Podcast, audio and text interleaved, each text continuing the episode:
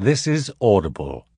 Hachette Digital presents The Player of Games by Iain M. Banks. Read by Peter Kenny. Part 1 Culture Plate. This is the story of a man who went far away for a long time just to play a game. The man is a game player called Gurgeh. The story starts with a battle that is not a battle and ends with a game that is not a game. Me? I'll tell you about me later. This is how the story begins.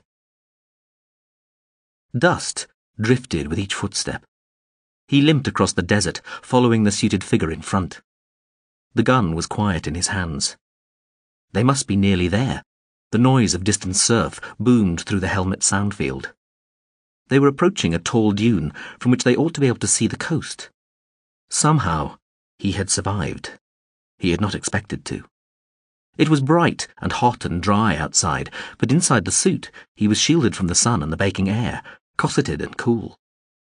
One edge of the helmet visor was dark, where it had taken a hit, and the right leg flexed awkwardly, also damaged, making him limp. But otherwise he'd been lucky. The last time they'd been attacked had been a kilometre back, and now they were nearly out of range. The flight of missiles cleared the nearest ridge in a glittering arc. He saw them late because of the damaged visor. He thought the missiles had already started firing, but it was only the sunlight reflecting on their sleek bodies. The flight dipped and swung together like a flock of birds. When they did start firing, it was signalled by strobing red pulses of light.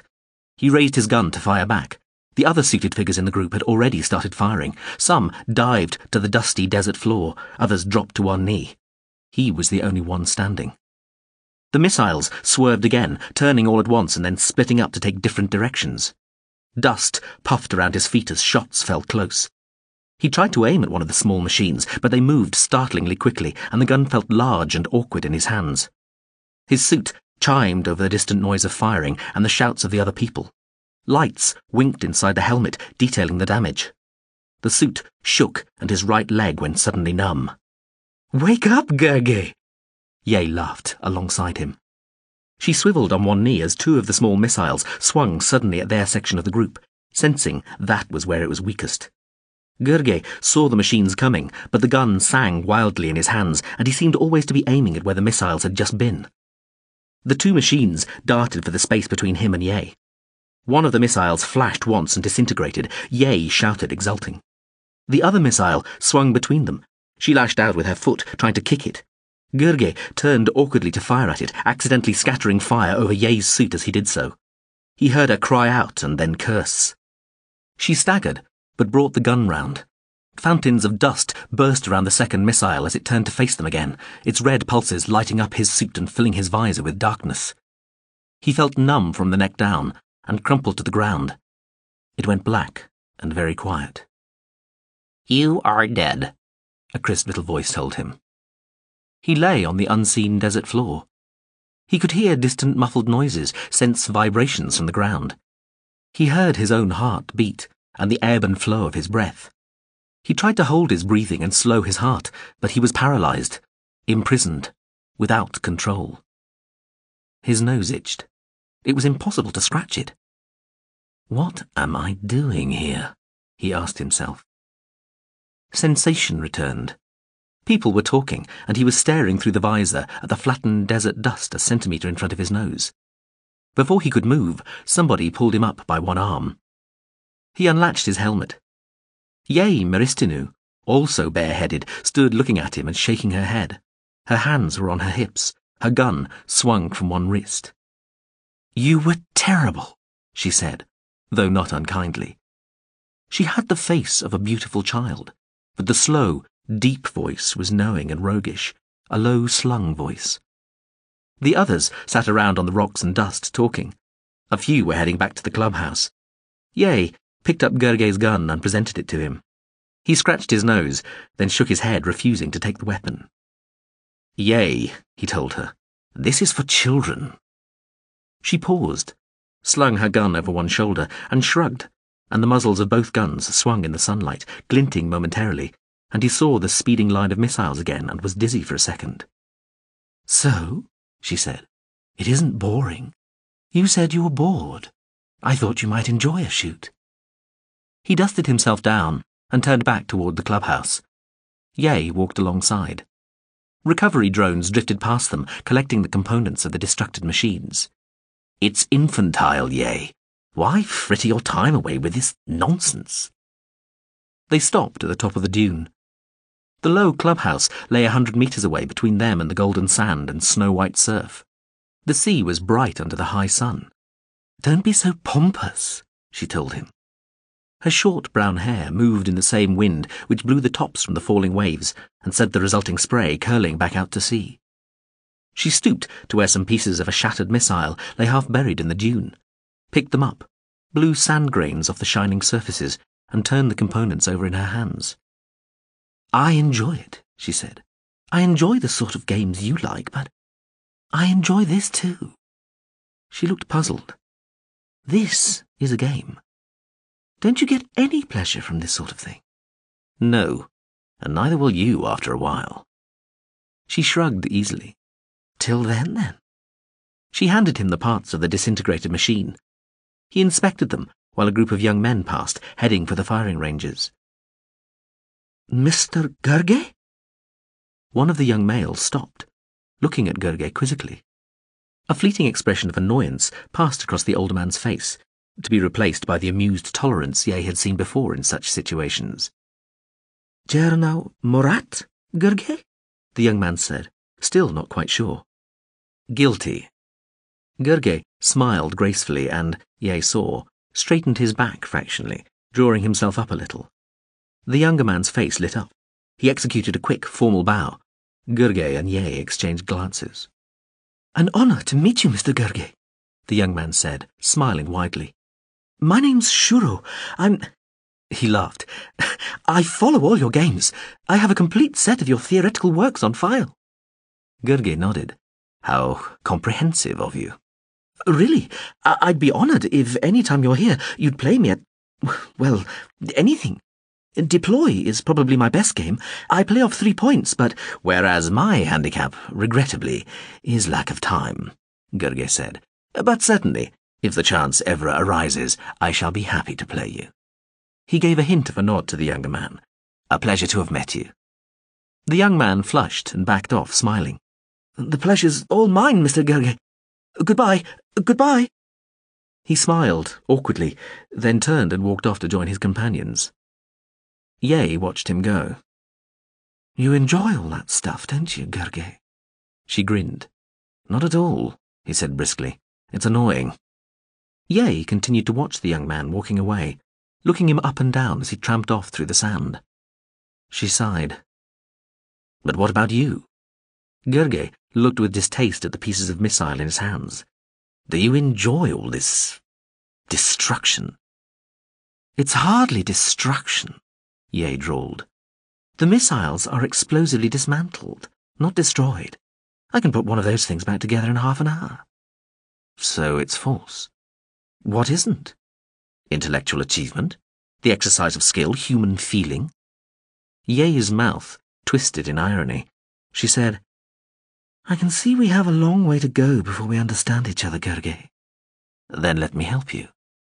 Be your protege? Yes. Yay looked away to where the rollers fell against the golden beach and then back again.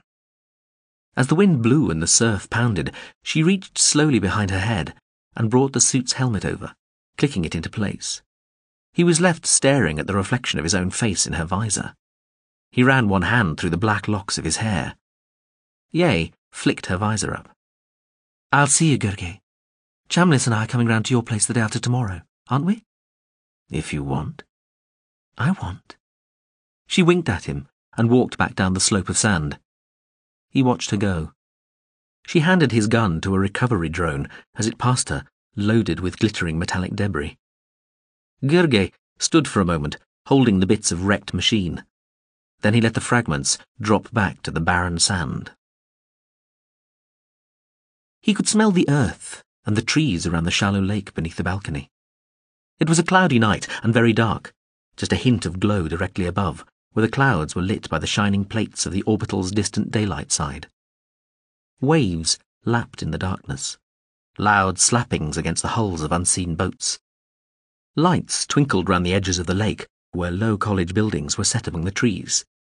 The party was a presence at his back, something unseen, surging like the sound and smell of thunder from the faculty building.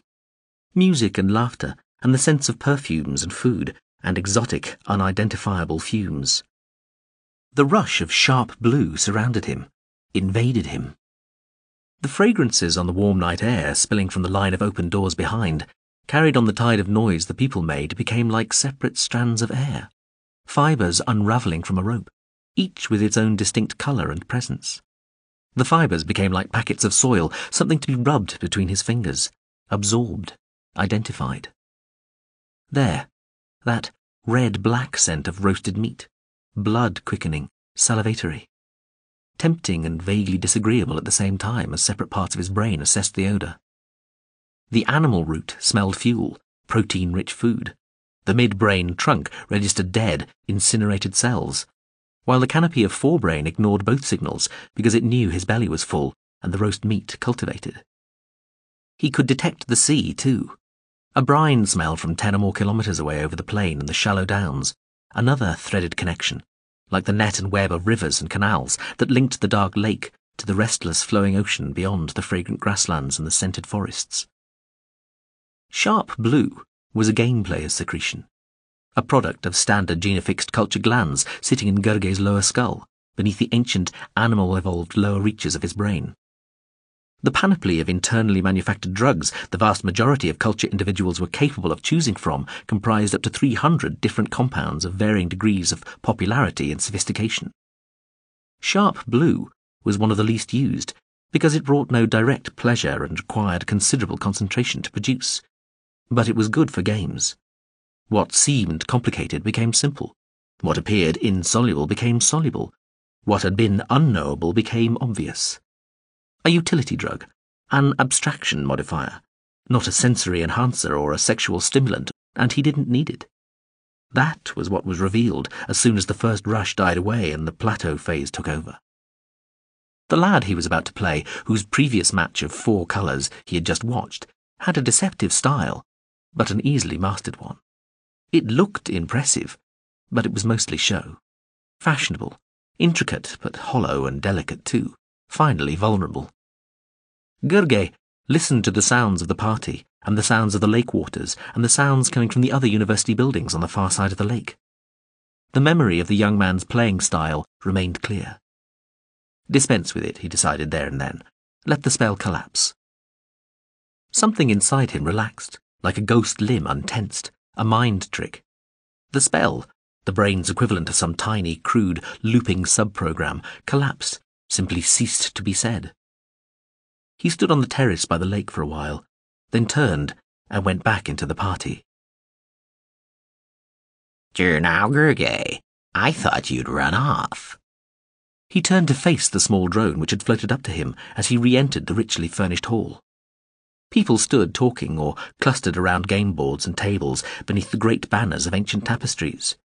There were dozens of drones in the room too, some playing, some watching, some talking to humans, a few in the formal, lattice-like arrangements which meant they were communicating by transceiver. Mawhrin-Skel, the drone which had addressed him, was by far the smallest of the machines present. It could have sat comfortably on a pair of hands. Its aura field held shifting tints of grey and brown within the band of formal blue. It looked like a model of an intricate and old-fashioned spacecraft. Gurgeh scowled at the machine as it followed him through the crowds of people to the four colours table. I thought perhaps this toddler had scared you, the drone said, as Gurgeh arrived at the young man's game table and sat down in a tall, heavily ornamented wooden chair, hurriedly vacated by his just beaten predecessor. The drone had spoken loudly enough for the toddler concerned, a tousle-haired young man of about thirty or so, to hear. The young man's face looked hurt. Gurgeh sensed the people around him grow a little quieter. Mawhrin-Skel's aura fields switched to a mixture of red and brown, humorous pleasure and displeasure together, a contrary signal close to a direct insult. Ignore this machine, Gurgeh told the young man, acknowledging his nod. It likes to annoy people. He pulled his chair in, adjusted his old, unfashionably loose and wide-sleeved jacket. I'm Jernau Gurgeh. And you? Stemley Fours, the young man said, gulping a little. Pleased to meet you. Now, what colour are you taking? Uh, green. Fine. Gurgeh sat back. He paused, then waved at the board.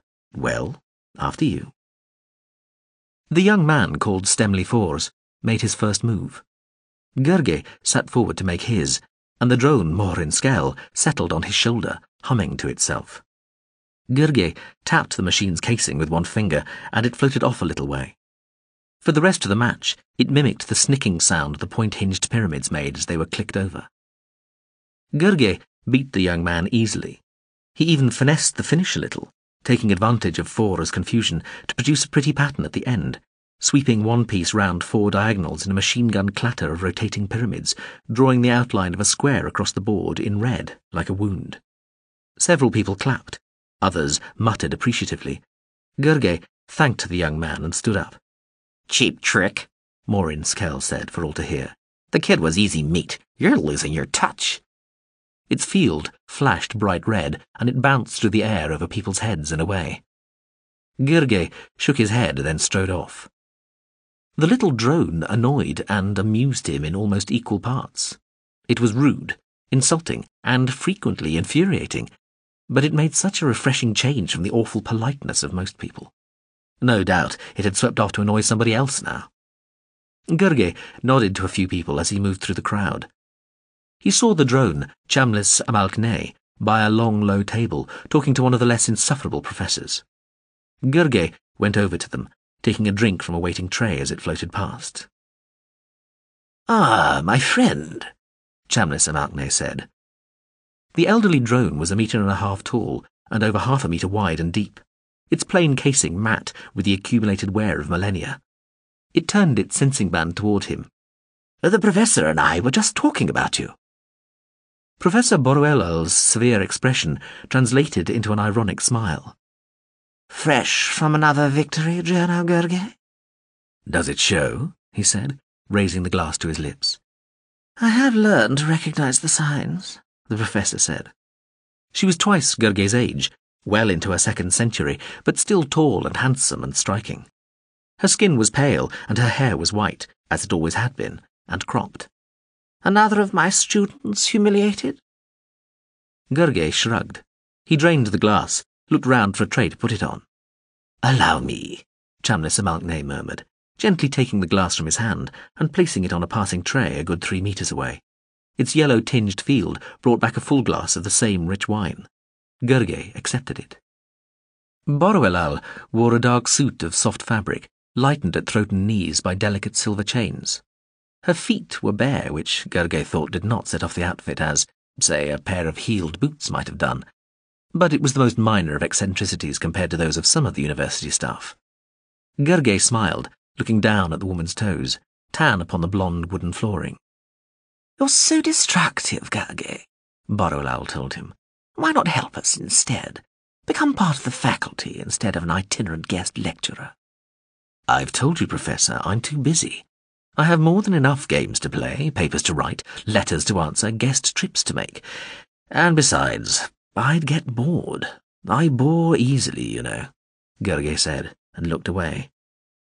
Jernau Gurgeh would make a very bad teacher, Chamlis Amalk-ney agreed. If a student failed to understand something immediately, no matter how complicated and involved, Gurgeh would immediately lose all patience and quite probably pour their drink over them, if nothing worse. So I've heard. The professor nodded gravely. That was a year ago, Gurgeh said, frowning, and Yay deserved it. He scowled at the old drone. Well, the professor said, looking momentarily at Chamlis, perhaps we have found a match for you, Jernau Gurgeh. Uh, there's a young... Then there was a crash in the distance, and the background noise in the hall increased. They each turned at the sound of people shouting. Ah, not another commotion the professor said tiredly. Already that evening, one of the younger lecturers had lost control of a pet bird, which had gone screeching and swooping through the hall, tangling in the hair of several people before the drone Mawhrin-Skel, intercepted the animal in mid-air and knocked it unconscious, Uh, much to the chagrin of most of the people at the party. What now? Boruelal sighed. Excuse me.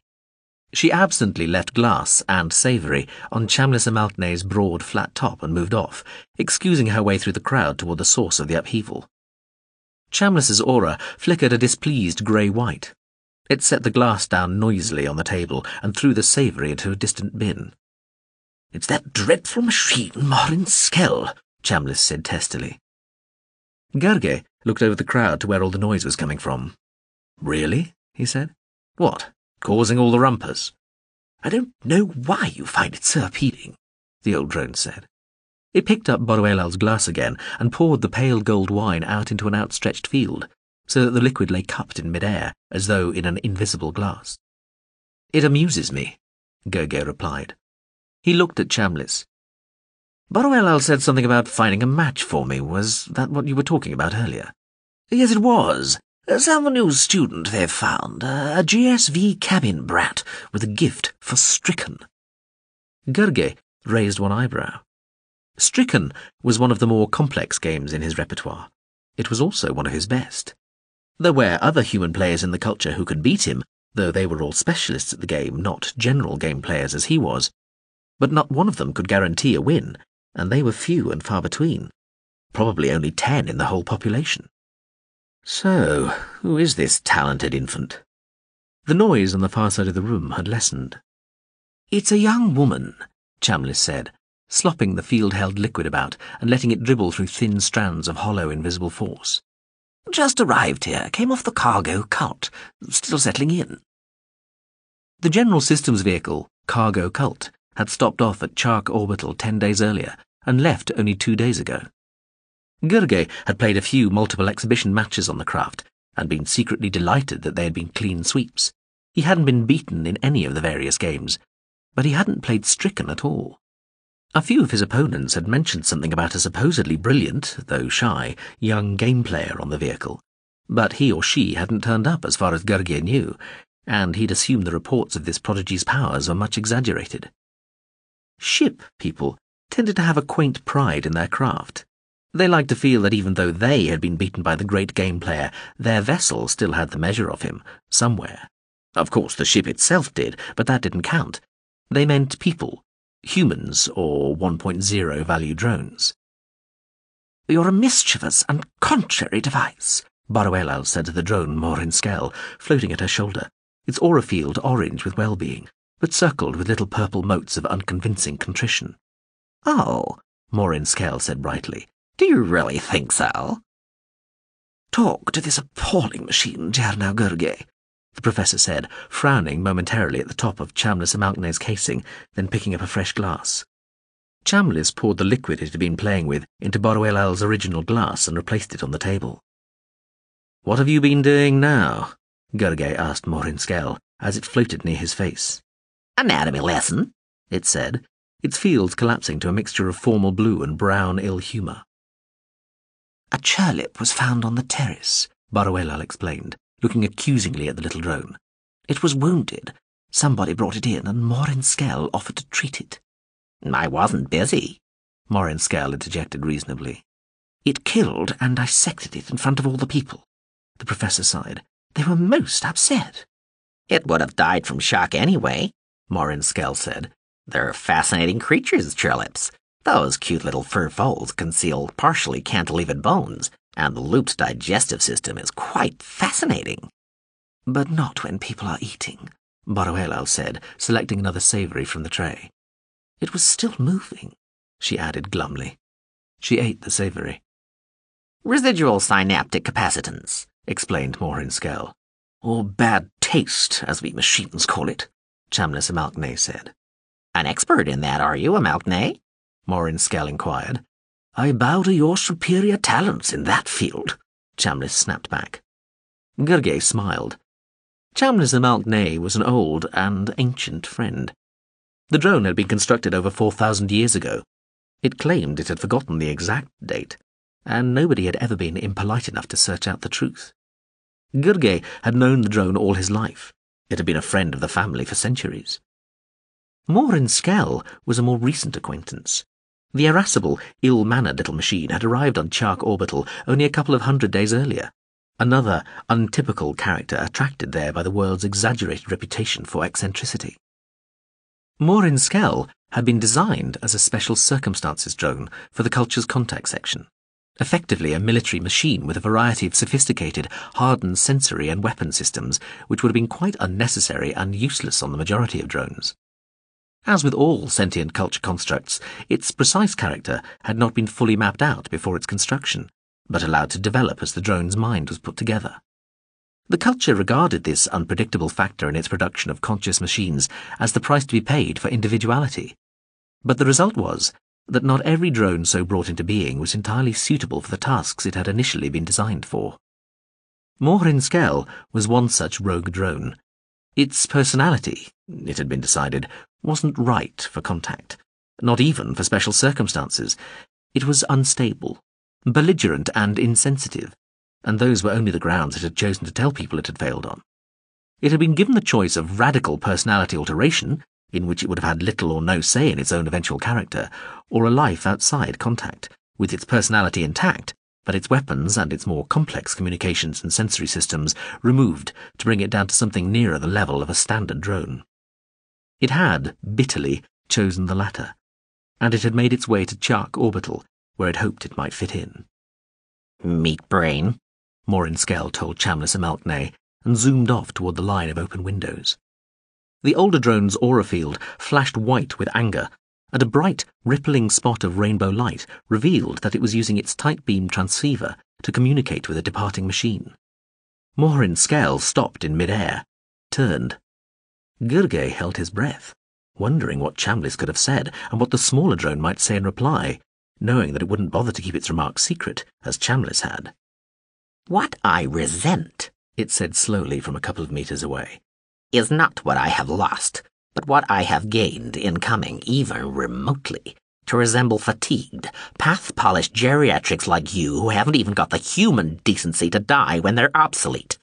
You're a waste of matter, Amalk-ney.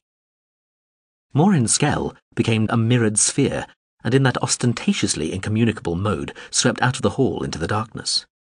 Cretinous whelp, Chamlis said, fields frosty blue. Boruelal shrugged. I feel sorry for it. I don't, Gurgeh said. I think it has a wonderful time. He turned to the professor. When do I get to meet your young stricken genius? Not hiding her away to train her, are you? No, we're just giving her time to adjust. Boruelal picked at her teeth with the pointed end of the savoury stick. From what I can gather, the girl had rather a sheltered upbringing. Sounds like she hardly left the GSV. She must feel odd being here. Also, she isn't here to do game theory, Jernau Gurgeh. I'd better point that out. She's going to study philosophy. Gurgeh looked suitably surprised. A sheltered upbringing? Chamlis Amalk-ney said. On a GSV? Its gunmetal aura indicated puzzlement. She's shy. She'd have to be. I must meet her, said Gurgeh. You will, Boruelal said. Soon, maybe. She said she might come with me to Tronze for the next concert. Hafflis runs a game there, doesn't he? Usually, Gurgeh agreed. Maybe she'll play you there, but don't be surprised if you just intimidate her. I shall be the epitome of gentle good grace, Gurgeh assured her. Boruelal nodded thoughtfully. She gazed out over the party and looked distracted for a second, as a large cheer sounded from the centre of the hall. Excuse me, she said. I think I detect a nascent commotion. She moved away.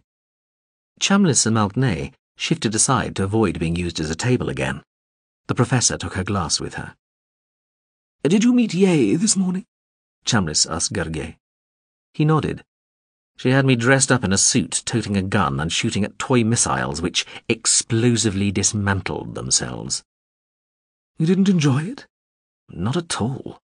I had high hopes for that girl, but too much of that sort of nonsense, and I think her intelligence will explosively dismantle.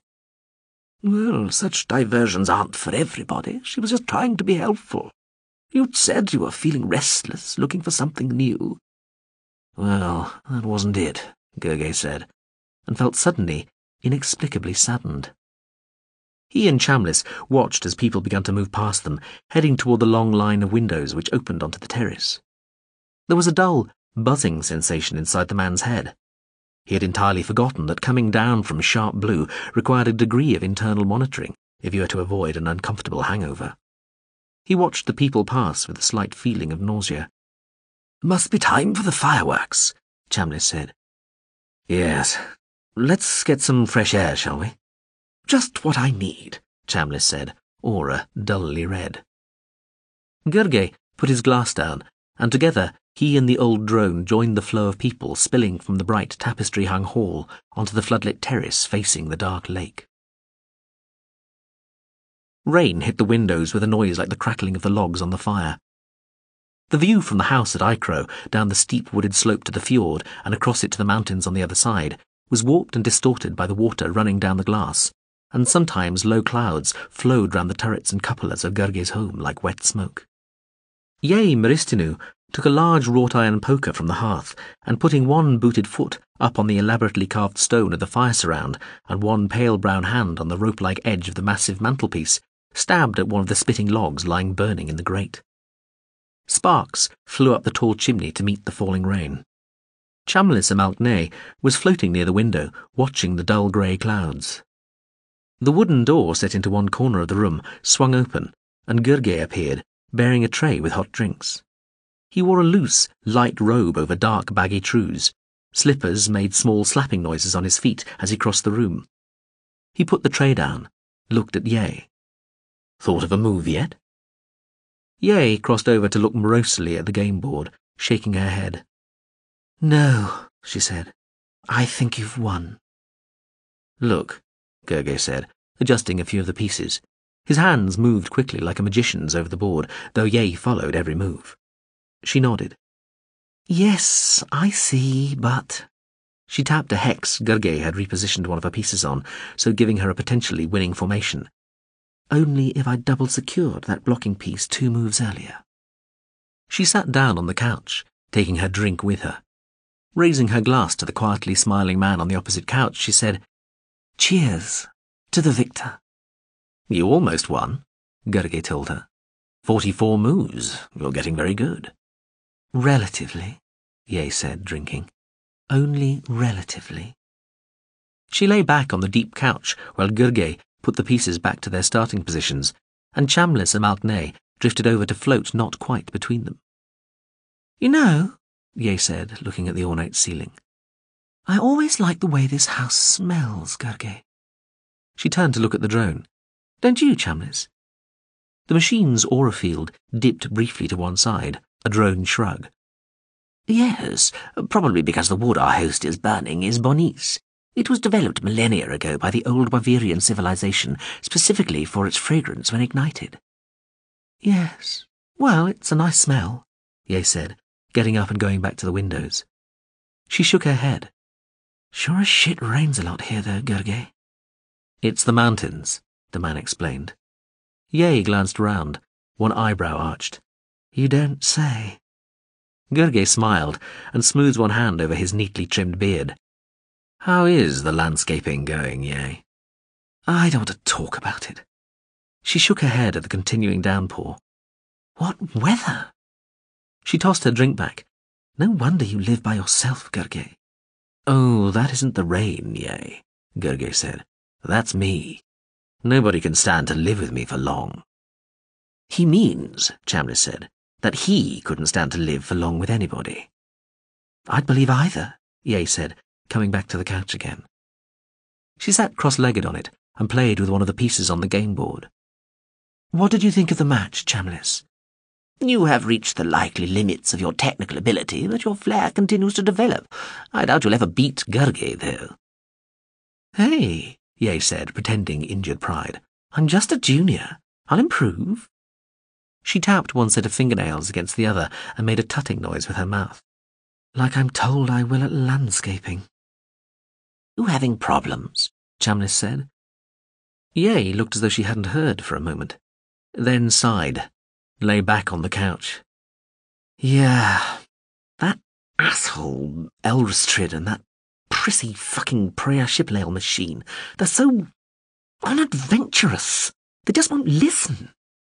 What won't they listen to? Ideas! Yei shouted at the ceiling. Something different. Something not so goddamn conservative for a change. Just because I'm young, they won't pay attention. I thought they were pleased with your work, Chamlis said.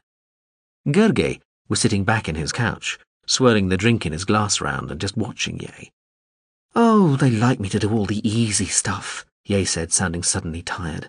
Stick up a range or two, carve out a couple of lakes. But I'm talking about the overall plan, real, radical stuff. All we're doing is building just another next door plate. Could be one of a million anywhere in the galaxy. What's the point of that? So people can live on it, Chamlis suggested, Fields rosy. People can live anywhere, Yay said, levering herself up from the couch to look at the drone with her bright green eyes. There's no shortage of plates. I'm talking about art. What did you have in mind? Gurgeh asked. How about, Yay said, magnetic fields under the base material and magnetized islands floating over oceans? No ordinary land at all. Just great floating lumps of rock with streams and lakes and vegetation and a few intrepid people. Doesn't that sound more exciting? More exciting than what? Gurgeh asked. More exciting than this! Meristinou leapt up and went over to the window. She tapped the ancient pane. Look at that! You might as well be on a planet. Seas and hills and rain. Wouldn't you rather live on a floating island, sailing through the air over the water? What if the islands collide? Chamlis asked. What if they do? Yay turned to look at the man and the machine. It was getting still darker outside, and the room lights were slowly brightening. She shrugged. Anyway, you could make it so they didn't. But don't you think it's a wonderful idea? Why should one old woman and a machine be able to stop me? Well, Chamlis said, I know the Priya Shiplale machine, and if it thought your idea was good, it wouldn't just ignore it. It's had a lot of experience and yeah, Yay said. Too much experience. That isn't possible, young lady, the drone said. Yay Meristinou took a deep breath and seemed about to argue, but just spread her arms wide and rolled her eyes and turned back to the window. We'll see, she said. The afternoon, which had been steadily darkening until then, was suddenly lit up on the far side of the fjord by a bright splash of sunlight filtering through the clouds and the easing rain. The room slowly filled with a watery glow, and the house lights dimmed again. Wind moved the tops of the dripping trees. Ah, Yay said, stretching her back and flexing her arms. Not to worry. She inspected the landscape outside critically. Hell, I'm going for a run, she announced. She headed for the door in the corner of the room, pulling off first one boot, then the other, throwing the waistcoat over a chair and unbuttoning her blouse. You'll see. She wagged a finger at Gurgeh and Chamlis. Floating islands. Their time has come. Chamlis said nothing. Gurgeh looked sceptical. Yay left. Chamlis went to the window. It watched the girl, down to a pair of shorts now, run out along the path leading down from the house, between the lawns and the forest. She waved once without looking back and disappeared into the woods. Chamlis flickered its fields in response, even though Yay couldn't see. She's handsome, it said. Gurgeh sat back in the couch. She makes me feel old. Oh, don't you start feeling sorry for yourself, Chamlis said, floating back from the window. Gurgeh looked at the hearthstones. Everything seems grey at the moment, Chamlis. Sometimes I start to think I'm repeating myself, that even new games are just old ones in disguise, and that nothing's worth playing for anyway. Gurgeh, Chamlis said, matter-of-factly, and did something it rarely did, actually settling physically into the couch, letting it take its weight. Settle up. Are we talking about games or life? Gurgeh put his dark-curled head back and laughed. Games, Chamlis went on, have been your life. If they're starting to pall, I'd understand you might not be so happy with anything else. Maybe I'm just disillusioned with games, Gurgeh said, turning a carved game piece over in his hands. I used to think that context didn't matter. A good game was a good game, and there was a purity about manipulating rules that translated perfectly from society to society. But now, I wonder. Take this. Deploy. He nodded at the board in front of him. This is foreign. Some backwater planet discovered just a few decades ago. They play this there and they bet on it. They make it important. But what do we have to bet with? What would be the point of my wagering Ikroh, say? Yay wouldn't take the bet, certainly, Chamlis said, amused. She thinks it rains too much. But you see, if somebody wanted a house like this, they'd already have had one built. If they wanted anything in the house, Gurgeh gestured round the room. They'd have ordered it.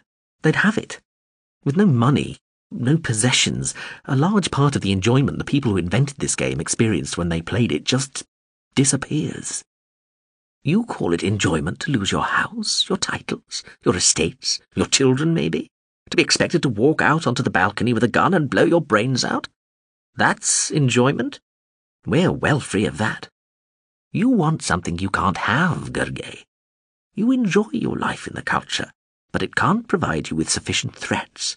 The true gambler needs the excitement of potential loss, even ruin, to feel wholly alive.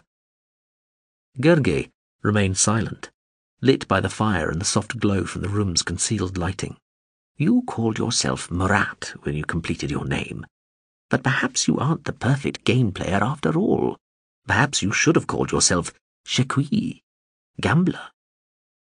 You know, Gurgeh said slowly, his voice hardly louder than the crackling logs in the fire.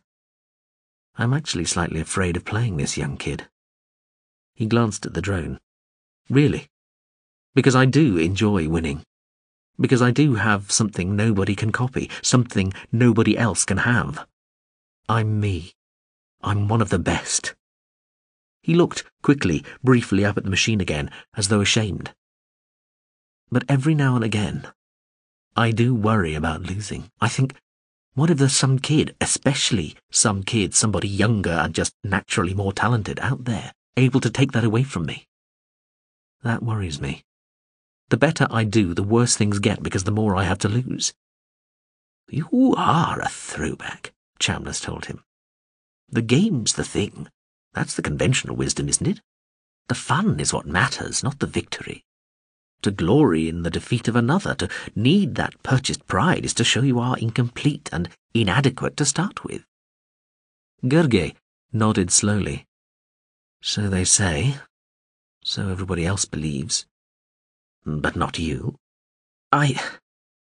The man seemed to have difficulty finding the right word. I exult when I win. It's better than love, it's better than sex or any glanding. It's the only instant when I feel. He shook his head. His mouth tightened. Real, he said. Me. The rest of the time, I feel a bit like that little ex special circumstances drone, Mawhrin-Skel, as though I've had some sort of birthright taken away from me. Ah, is that the affinity you feel? Chamlis said coldly, aura to match. I wondered what you saw in that appalling machine. Bitterness, Gurgeh said, sitting back again. That's what I see in it. It has novelty value, at least. He got up and went to the fire, prodding at the logs with the wrought iron poker and placing another piece of wood on, handling the log awkwardly with heavy tongs. This is not a heroic age, he told the drone, staring at the fire. The individual is obsolete. That's why life is so comfortable for us all. We don't matter, so we're safe.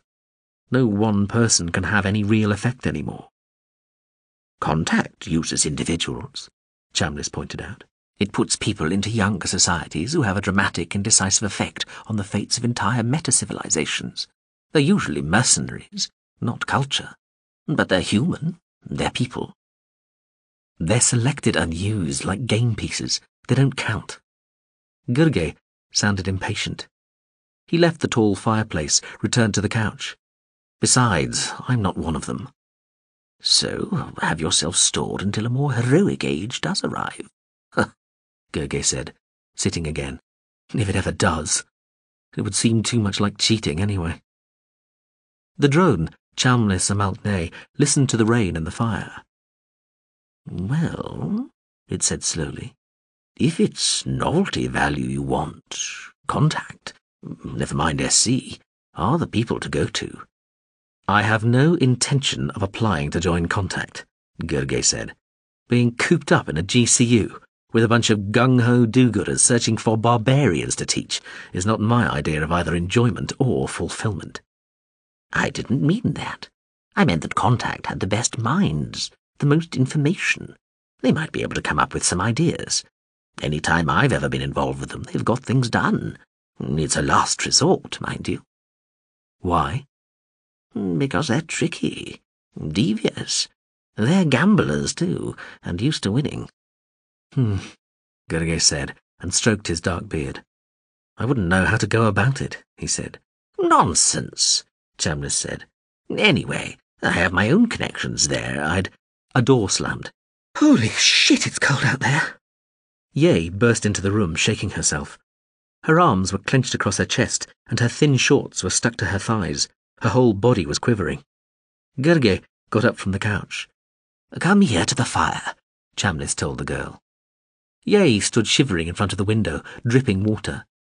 Don't just stand there, Chamlis told Gurgeh. Fetch a towel.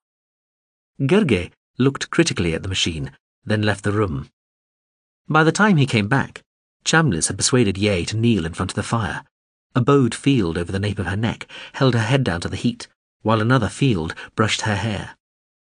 Little drops of water fell from her drenched curls to the hearth, hissing on the hot flagstones. Chamlis took the towel from Gurgeh's hands, and the man watched as the machine moved the towel over the young woman's body. He looked away at one point, shaking his head, and sat down on the couch again, sighing. Your feet are filthy, he told the girl. Ah, it was a good run, though. Yay laughed from beneath the towel. With much blowing and whistling and brr brrs, Yay was dried. She kept the towel wrapped around her and sat, legs drawn up on the couch. I'm famished, she announced suddenly. Mind if I make myself something to... Let me, Gurgeh said.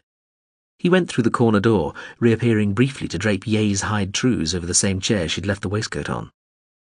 What were you talking about? Yay asked Chamlis. Gurgeh's disaffection. Do any good? I don't know, the drone admitted. Yay retrieved her clothes and dressed quickly. She sat in front of the fire for a while, watching it as the day's light faded and the room lights came up. Gurgeh brought a tray in, loaded with sweetmeats and drinks. Once Yay and Gurgeh had eaten, the three of them played a complicated card game of the type Gurgeh liked best, one that involved bluff and just a little luck. They were in the middle of the game when friends of Yay's and Gurgeh's arrived, their aircraft touching down on a house lawn Gurgeh would rather they hadn't used. They came in, bright and noisy and laughing. Chamlis retreated to a corner by the window. Gurgeh played the host, keeping his guests supplied with refreshments.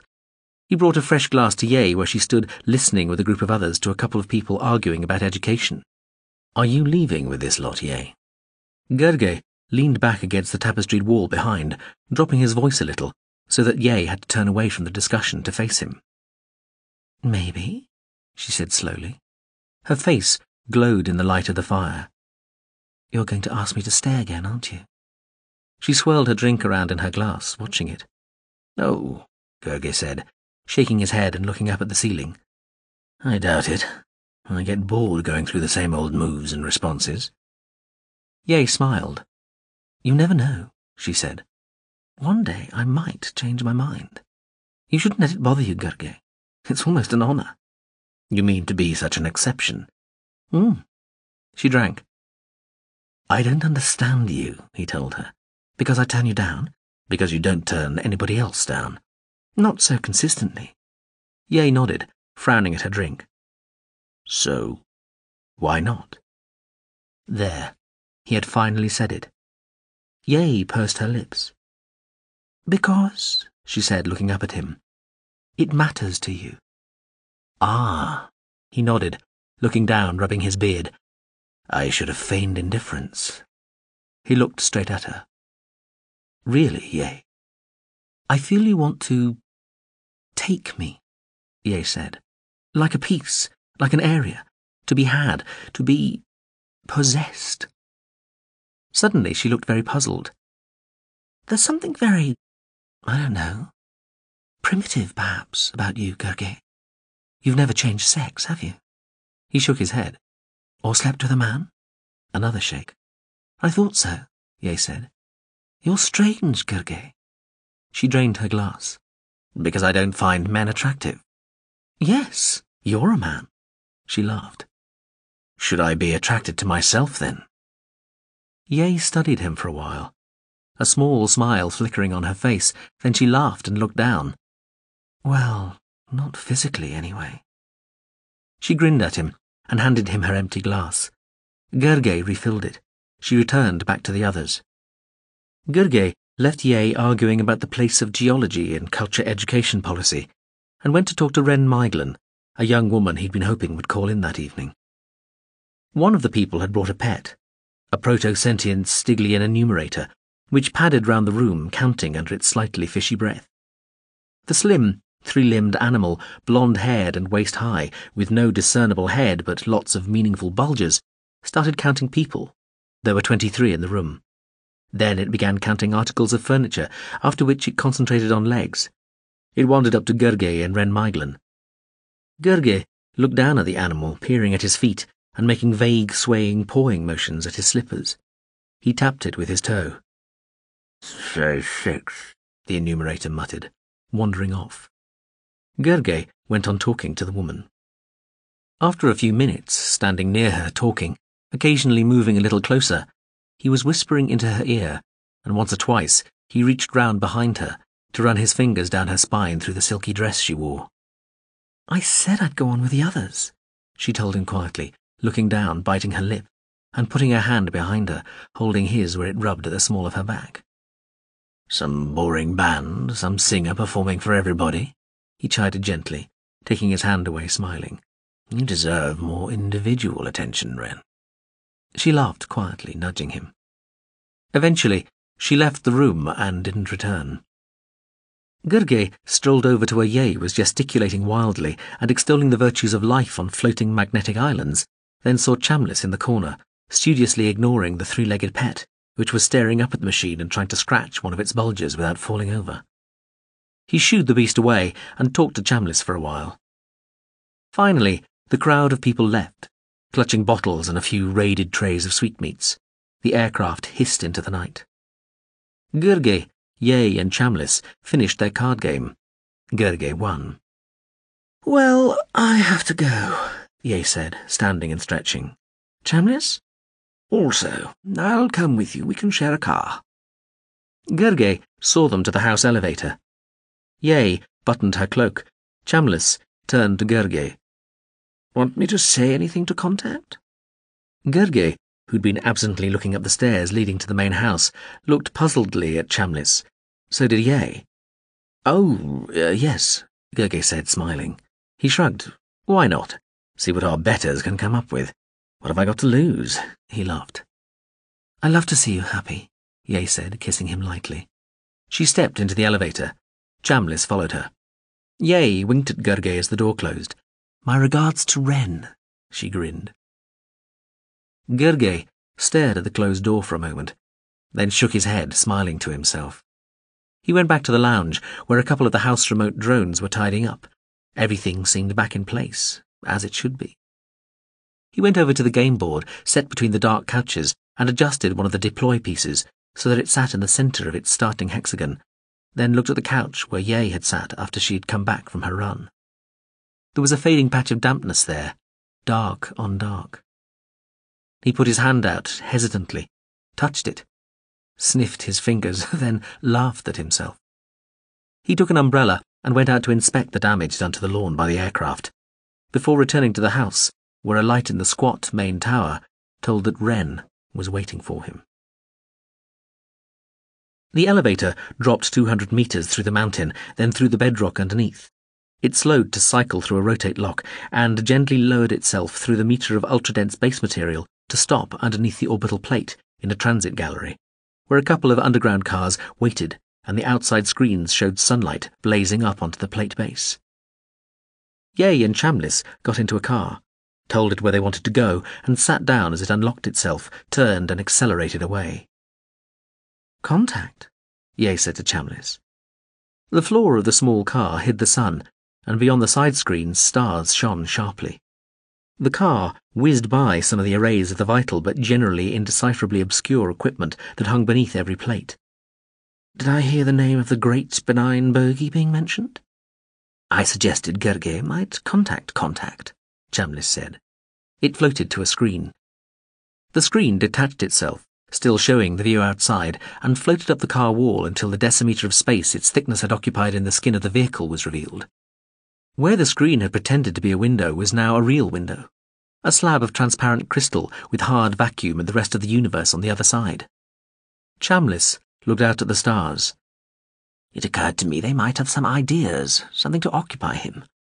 I thought you were wary of contact. I am, generally. But I know a few of the minds. I still have some connections. I'd trust them to help, I think. I don't know, Yay said. We're all taking this awfully seriously. He'll come out of it. He's got friends. Nothing too terrible's going to happen to him, as long as his pals are around. Hmm, the drone said. The car stopped at one of the elevator tubes serving the village where Chamlis Amalk-ney lived. Will we see you in Tronze? the drone asked. No, I have a psych conference that evening, Yay said. And then there's a young fellow I saw at the shoot the other day. I've arranged to bump into him that night. She grinned. I see, Chamlis said. Lapsing into predatory mode, eh? Well, enjoy your bumping. I'll try. Yay laughed. She and the drone bade each other good night. Then Chamlis went through the car's lock, its ancient, minutely battered casing suddenly bright in the blast of sunlight from underneath, and went straight up the elevator tube without waiting for a lift. Yay smiled and shook her head at such geriatric precocity as the car pulled away again. Wren slept on, half covered by a sheet. Her black hair spilled across the top of the bed. Gurgeh sat at his occasional desk near the balcony windows, looking out at the night. The rain had passed, the clouds thinned and separated, and now the light of the stars and the four plates on the far balancing side of the Chiark orbital, three million kilometres away and with their inner faces in daylight, cast a silvery sheen on the passing clouds and made the dark fjord waters glitter. He turned on the desk pad, pressed its calibrated margin a few times until he found the relevant publications, then read for a while. Papers on game theory by other respected players, reviews of some of their games, analyses of new games and promising players. He opened the windows later and stepped out onto the circular balcony, shivering a little as the cool night air touched his nakedness. He'd taken his pocket terminal with him and braved the cold for a while, talking to the dark trees in the silent fjord dictating a new paper on old games. When he went back in, Wren Meiglen was still asleep, but breathing quickly and erratically. Intrigued, he went over to her and crouched down by the side of the bed, looking intently at her face as it twitched and contorted in her sleep. Her breath laboured in her throat and down her delicate nose, and her nostrils flared. Gurgeh squatted like that for some minutes, with an odd expression on his face, somewhere between a sneer and a sad smile, wondering, with a sense of vague frustration, even regret, what sort of nightmares the young woman must be having to make her quiver and pant and whimper so. The next two days passed relatively uneventfully. He spent most of the time reading papers by other players and theorists, and finished a paper of his own, which he'd started the night Wren Meiglen stayed. Wren had left during breakfast the next morning after an argument. He liked to work during breakfast, She'd wanted to talk. He'd suspected she was just tetchy after not sleeping well. He caught up on some correspondence. Mostly it was in the form of requests to visit other worlds, take part in great tournaments, write papers, comment on new games, become a teacher, lecturer, professor in various educational establishments, be a guest on any one of several GSVs, take on such and such a child prodigy. It was a long list. He turned them all down. It gave him a rather pleasant feeling. There was a communication from a GCU which claimed to have discovered a world on which there was a game based on the precise topography of individual snowflakes. A game which, for that reason, was never played on the same board twice. Gurgeh had never heard of such a game and could find no mention of it in the usually up-to-date files Contact collated for people like him. He suspected the game was a fake. GCUs were notoriously mischievous, but sent a considered and germane, if also rather ironic, reply because the joke, if it was a joke, appealed to him. He watched a gliding competition over the mountains and cliffs on the far side of the fjord. He turned on the house holoscreen and watched a recently made entertainment he'd heard people talking about. It concerned a planet whose intelligent inhabitants were sentient glaciers and their iceberg children. He had expected to despise its preposterousness, but found it quite amusing. He sketched out a glacier game based on what sort of minerals could be gouged from rocks, what mountains destroyed, rivers dammed, landscapes created, and bays blocked, if, as in the entertainment, glaciers could liquefy and refreeze parts of themselves at will. The game was diverting enough, but contained nothing original. He abandoned it after an hour or so. He spent much of the next day swimming in Ikroh's basement pool.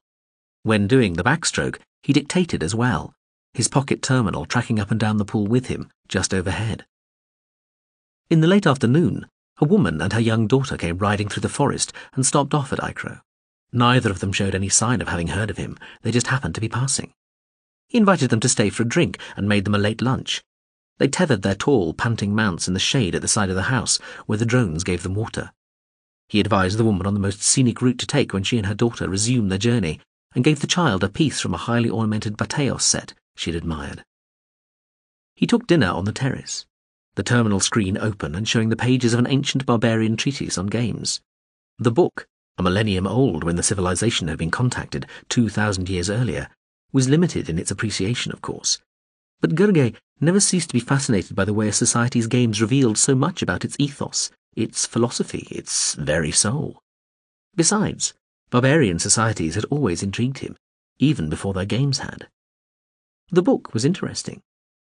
He rested his eyes, watching the sun going down, then went back to it as the darkness deepened. The house drones brought him drinks, a heavier jacket, a light snack as he requested them. He told the house to refuse all incoming calls. The terrace lights gradually brightened. Chiark's far side shone whitely overhead, coating everything in silver. Stars twinkled in a cloudless sky. Gurgeh read on. The terminal beeped. He looked severely at the camera eye set in one corner of the screen. House, he said, are you going deaf? Uh, please forgive the override.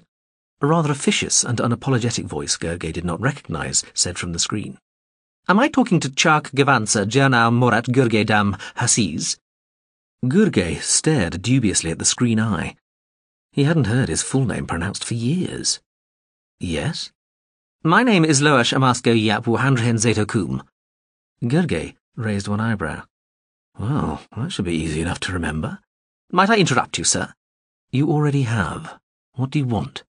To talk with you. Despite my override, this does not constitute an emergency, but I can only talk to you directly this evening. I am here representing the contact section at the request of Dastaveb Chamlis Amalk-ney Ebhandra Te Dreiska Ostelhurb. May I approach you?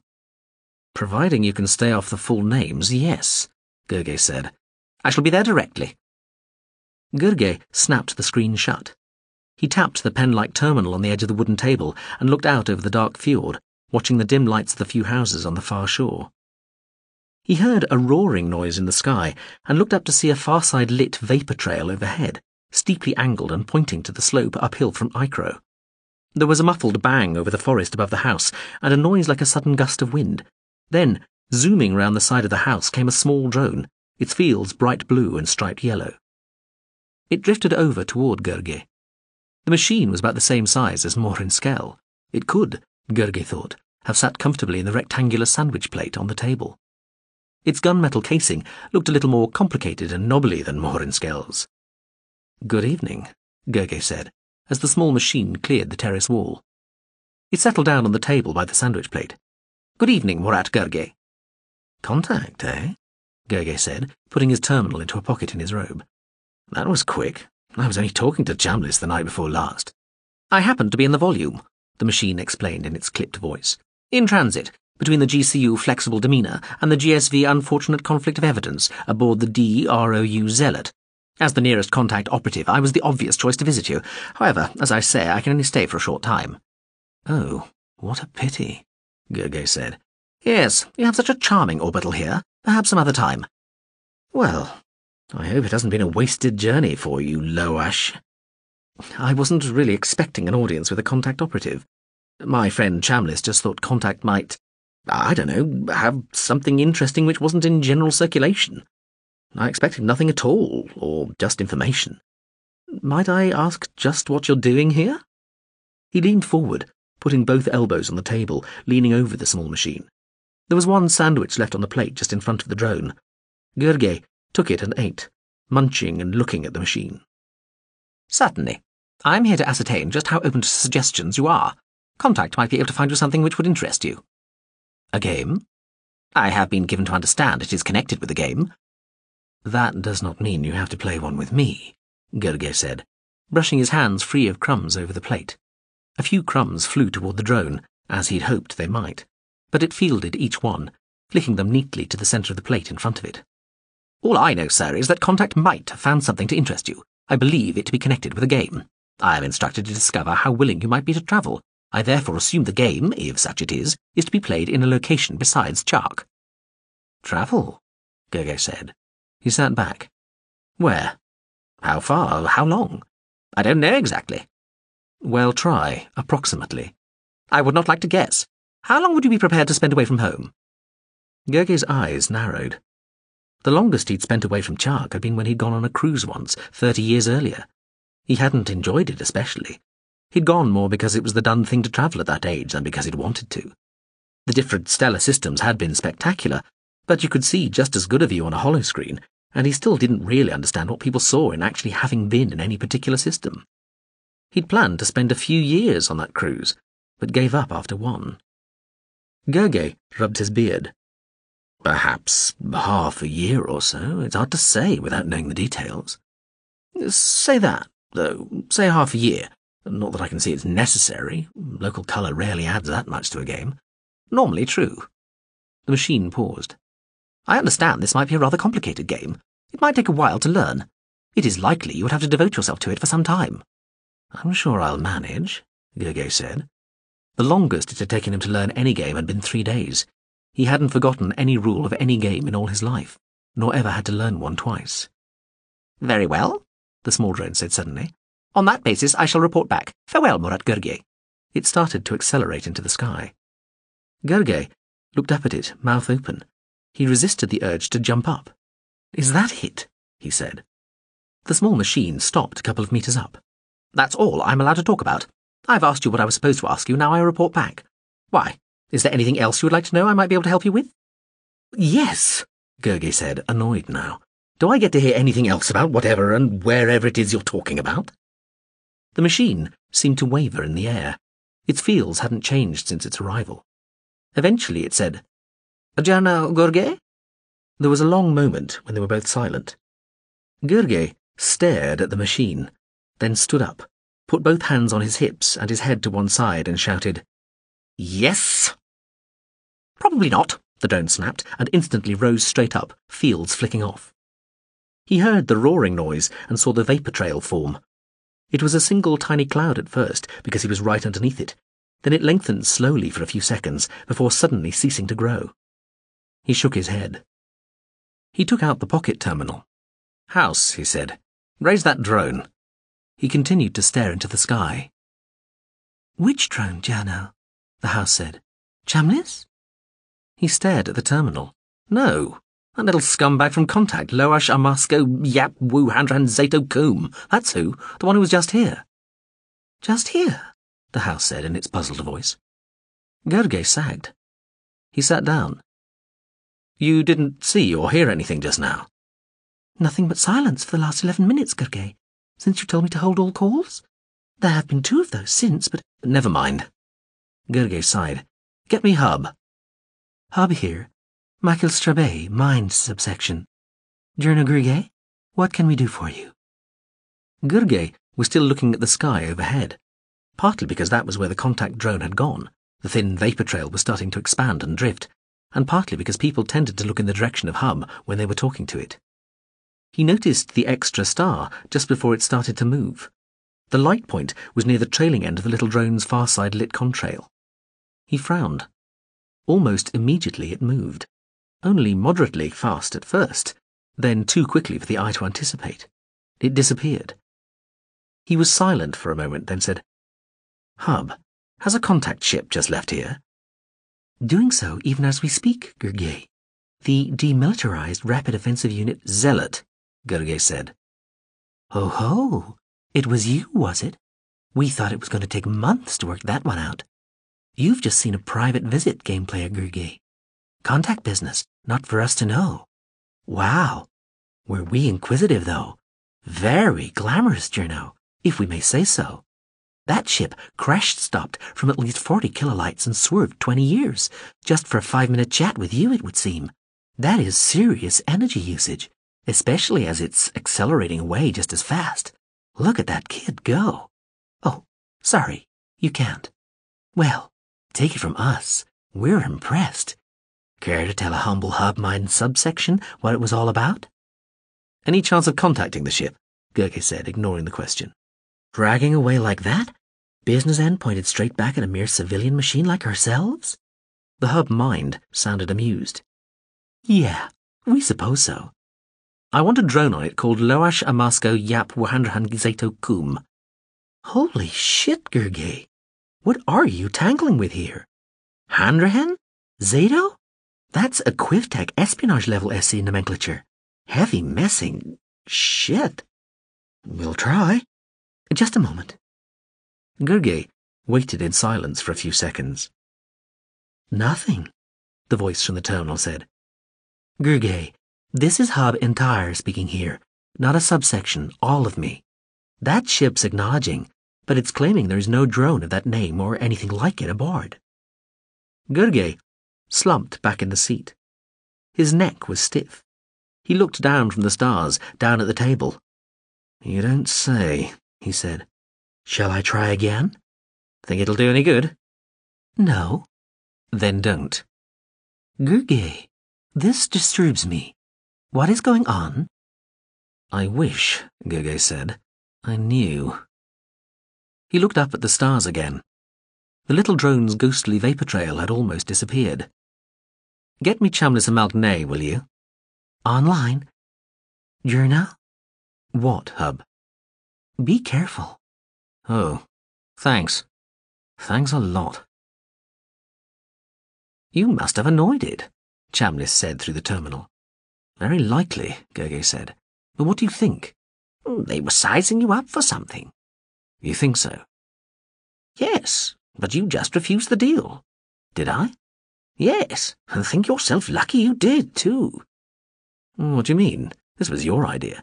Look, you're out of it. It's over. But obviously my request went further and quicker than I thought it would. We triggered something, but you put them off. They aren't interested any more. Hmm, I suppose you're right. Gurgeh, I'm sorry. Oh, never mind, Gurgeh told the old machine. He looked up at the stars. Hub? Hey, we're interested. If it had been purely personal, we wouldn't have listened to a word, we swear, and besides, it'd be notified on your daily communication statement we were listening. Never mind all that. Gurgeh smiled, oddly relieved the orbital's mind had been eavesdropping. Just tell me how far away that ROU is. On the word is, it was a minute and 49 seconds away, a light month distant, already clear of the system and well out of our jurisdiction. We're very glad to say. Hightailing it in a direction a little upspin of galactic core. Looks like it's heading for the GSV unfortunate conflict of evidence, unless one of them's trying to fool somebody. Thank you, Hub. Uh, good night. To you too. And you're on your own this time. We promise. Thank you, Hub. Chamlis? You might just have missed the chance of a lifetime, Gurgeh but it was more likely a narrow escape. I'm sorry for suggesting contact. They came too fast and too hard to be casual. Don't worry so much, Chamlis, he told the drone. He looked back at the stars again and sat back, swinging his foot up onto the table. I handled it. We managed. Will I see you at Tronze's tomorrow? Maybe. I don't know. I'll think about it. Uh, good luck. I mean against this wonder child at Stricken, if I don't see you tomorrow. He grinned ruefully into the darkness. Thanks. Uh, good night, Chamlis. Good night, Gurgeh. The train emerged from the tunnel into bright sunlight. It banked round the remainder of the curve, then set out across the slender bridge. Gurgeh looked over the handrail and saw the lush green pastures and brightly winding river half a kilometre below on the valley floor. Shadows of mountains lay across the narrow meadows. Shadows of clouds freckled the tree-covered hills themselves. The wind of the train's slipstream ruffled his hair as he drank in the sweet, scented mountain air and waited for his opponent to return. Birds circled in the distance over the valley, almost level with the bridge. Their cries sounded through the still air, just audible over the windrush sound of the trains passing. Normally, he'd have waited until he was due in Tronze that evening and go there underground, but that morning he'd felt like getting away from Ikroh. He'd put on boots, a pair of conservatively styled pants, and a short open jacket, then taken to the hill paths, hiking over the mountain and down the other side. He'd sat by the side of the old railway line, glanding a mild buzz and amusing himself by chucking little bits of lodestone into the track's magnetic field and watching them bounce out again. He'd thought about Yay's floating islands. He'd also thought about the mysterious visitation from the contact drone on the previous evening. But somehow that just would not come clear. It was as though it had been a dream. He had checked the house communication and system statement. As far as the house was concerned, there had been no visit but his conversation with the Chiark Hub was logged, timed, and witnessed by other subsections of the hub, and by the hub entire for a short while, so it had happened all right. He'd flagged down the antique train when it appeared, and even as he'd climbed on, had been recognized by a middle-aged man called Dreltram, also making his way to Tronze. Mr. Dreltram would treasure a defeat at the hands of the great Jernau Gurgeh more than any victory over anybody else. Would he play? Gurgeh was well used to such flattery, it usually masked an unrealistic but slightly feral ambition, but had suggested they play possession. It shared enough rule concepts with Stricken to make it a decent limbering up exercise. They'd found a possession set in one of the bars and taken it out onto the roof deck, sitting behind a windbreak so that the cards wouldn't blow away. They ought to have enough time to complete the game. The train would take most of the day to get to Tronze, a journey an underground car could accomplish in ten minutes. The train left the bridge and entered a deep, narrow ravine, its slipstream producing an eerie, echoing noise off the naked rocks on either side. Gurgeh looked at the game board. He was playing straight, without the help of any glanded substances. His opponent was using a potent mixture suggested by Gurgeh himself. In addition, Gurgeh had given Mr. Dreltram a seven-piece lead at the start, which was the maximum allowed. The fellow wasn't a bad player, and had come near to overwhelming Gurgeh at the start, when his advantage in pieces had the greatest effect. But Gurgeh had defended well, and the man's chance had probably gone, though there was still the possibility he might have a few mines left in awkward places. Thinking of such unpleasant surprises, Gurgeh realized he hadn't looked where his own hidden piece was. This had been another unofficial way of making the game more even. Possession is played on a 40 square grid. The two players' pieces are distributed in one major group and two minor groups each. Up to three pieces can be hidden on different initially unoccupied intersections. Their locations are dialed and locked into three circular cards, thin ceramic wafers which are turned over only when the player wishes to bring those pieces into play. Mr. Dreltram had already revealed all three of his hidden pieces. One had happened to be on the intersection Gurgeh had sportingly sown all nine of his mines on, which really was bad luck. Gurgeh had spun the dials on his single hidden piece wafer and put it face down on the table without looking at it. He had no more idea where that piece was than Mr. Dreltram. It might turn out to be in an illegal position, which could well lose him the game, or, less likely, it might turn up in a strategically useful place deep inside his opponent's territory. Gurgeh liked playing this way. It wasn't a serious game. As well as giving his opponent a probably needed extra advantage, it made the match as a whole more interesting and less predictable, added an extra spice to the proceedings. He supposed he ought to find out where the piece was. The 80 move point was fast approaching when the piece had to be revealed anyway. He couldn't see his hidden piece wafer. He looked over the card and wafer-strewn table. Mr. Dreltram was not the most tidy of players. His cards and wafers and unused or removed pieces were scattered over most of the table, including the part supposed to be Gurgeh's. A gust of wind, when they'd entered a tunnel an hour earlier, had almost blown some of the lighter cards away, and they'd weighed them down with goblets and lead glass paperweights. These added to the impression of confusion, as did Mr. Dreltram's quaint, if rather affected, custom of noting down all the moves by hand on a scratch tablet. He claimed the built-in memory on a board had broken down on him once and lost him all record of one of the best games he'd ever played. Gurgeh started lifting bits and pieces up, humming to himself and looking for the flat wafer. He heard a sudden intake of breath, then what sounded like a rather embarrassed cough just behind him. He turned round to see Mr. Dreltram behind him, looking oddly awkward. Gurgeh frowned as Mr. Dreltram, just returned from the bathroom, his eyes wide with the mixture of drugs he was glanding, and followed by a tray bearing drinks, sat down again, staring at Gurgeh's hands.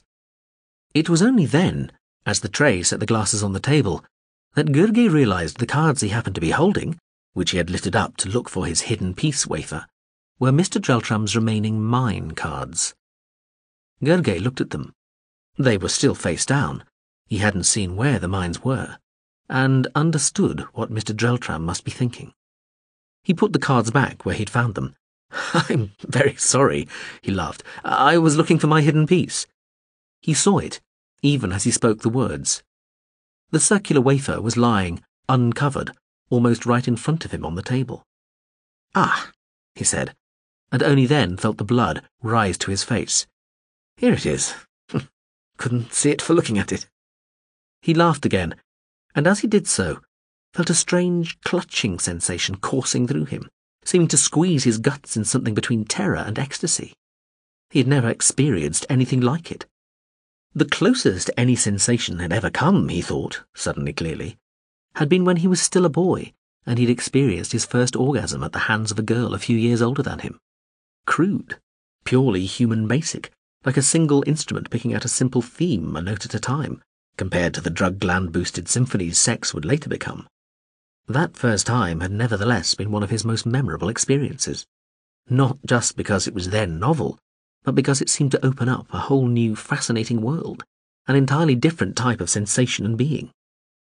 It had been the same when he'd played his first competition game as a child, representing Chiark against another Orbital's junior team, and it would be the same again when his drug glands matured, a few years after puberty.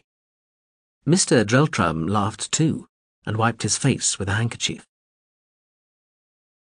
Gurgeh played furiously for the next few moves and had to be reminded by his opponent when the 80 move deadline came up.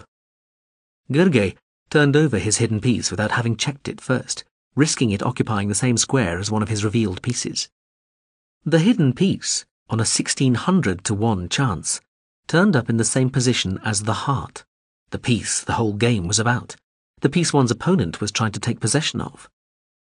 Gurgeh stared at the intersection where his well-defended heart piece sat, then again at the coordinates he'd dialed at random onto the wafer two hours earlier. They were the same, there was no doubt. If he'd looked a move earlier, he could have moved the heart out of danger. But he hadn't. He'd lost both pieces, and with the heart lost, the game was lost. He'd lost. Oh, bad luck, Mr. Dreltram said, clearing his throat. Gurgeh nodded. I believe it's customary at such moments of disaster for the defeated player to be given the heart as a keepsake, he said, fingering the lost piece. Mm, so I understand, Mr. Dreltram said, obviously at once embarrassed on Gurgeh's behalf and delighted at his good fortune. Gurgeh nodded. He put the heart down, lifted the ceramic wafer which had betrayed him. I'd rather have this, I think. He held it up to Mr. Dreltram, who nodded. Well, of course. I mean, why not? I certainly wouldn't object. The train rolled quietly into a tunnel, slowing for a station set in the caverns inside the mountain. All reality is a game. Physics, at its most fundamental, the very fabric of our universe, results directly from the interaction of certain fairly simple rules and chance. The same description may be applied to the best, most elegant, and most intellectually and aesthetically satisfying games. By being unknowable, by resulting from events which at the subatomic level cannot be fully predicted, the future remains malleable and retains the possibility of change, the hope of coming to prevail. Victory, to use an unfashionable word, in this, the future is a game. Time is one of the rules. Generally, all the best mechanistic games, those which can be played in A sense perfectly, such as grid, Paralian scope, and cratal, chess, Farnic dimensions, can be traced to civilizations lacking a relativistic view of the universe, let alone the reality. They are also, I might add, invariably pre-machine sentient societies. The very first rank games acknowledge the element of chance, even if they rightly restrict raw luck. To attempt to construct a game on any other lines, no matter how complicated and subtle the rules are, and regardless of the scale and differentiation of the playing volume and the variety of the powers and attributes of the pieces, is inevitably to shackle oneself to a conspectus which is not merely socially, but techno-philosophically lagging several ages behind our own. As a historical excuse, it might have some value. As a work of the intellect, it's just a waste of time. If you want to make something old-fashioned, why not build a wooden sailing boat or a steam engine? They're just as complicated and demanding as a mechanistic game, and you'll keep fit at the same time. Gurgeh gave an ironic bow to the young man who'd approached him with an idea for a game. The fellow looked nonplussed. He took a breath and opened his mouth to speak. Gurgeh was waiting for this, as he had on the last five or six occasions when the young man had tried to say something. Gurgeh interrupted him before he'd even started. I'm quite serious, you know. There's nothing intellectually inferior about using your hands to build something, as opposed to using only your brain. The same lessons can be learned, the same skills acquired, at the only levels that really matter. He paused again. He could see the drone, Mawhrin-Skel, floating toward him over the heads of the people thronging the broad plaza. The main concert was over. The mountain summits around Tronze echoed to the sounds of various smaller bands as people gravitated toward the specific musical forms they preferred. Some formal, some improvised, some for dancing, some for experiencing under a specific drug trance. It was a warm, cloudy night.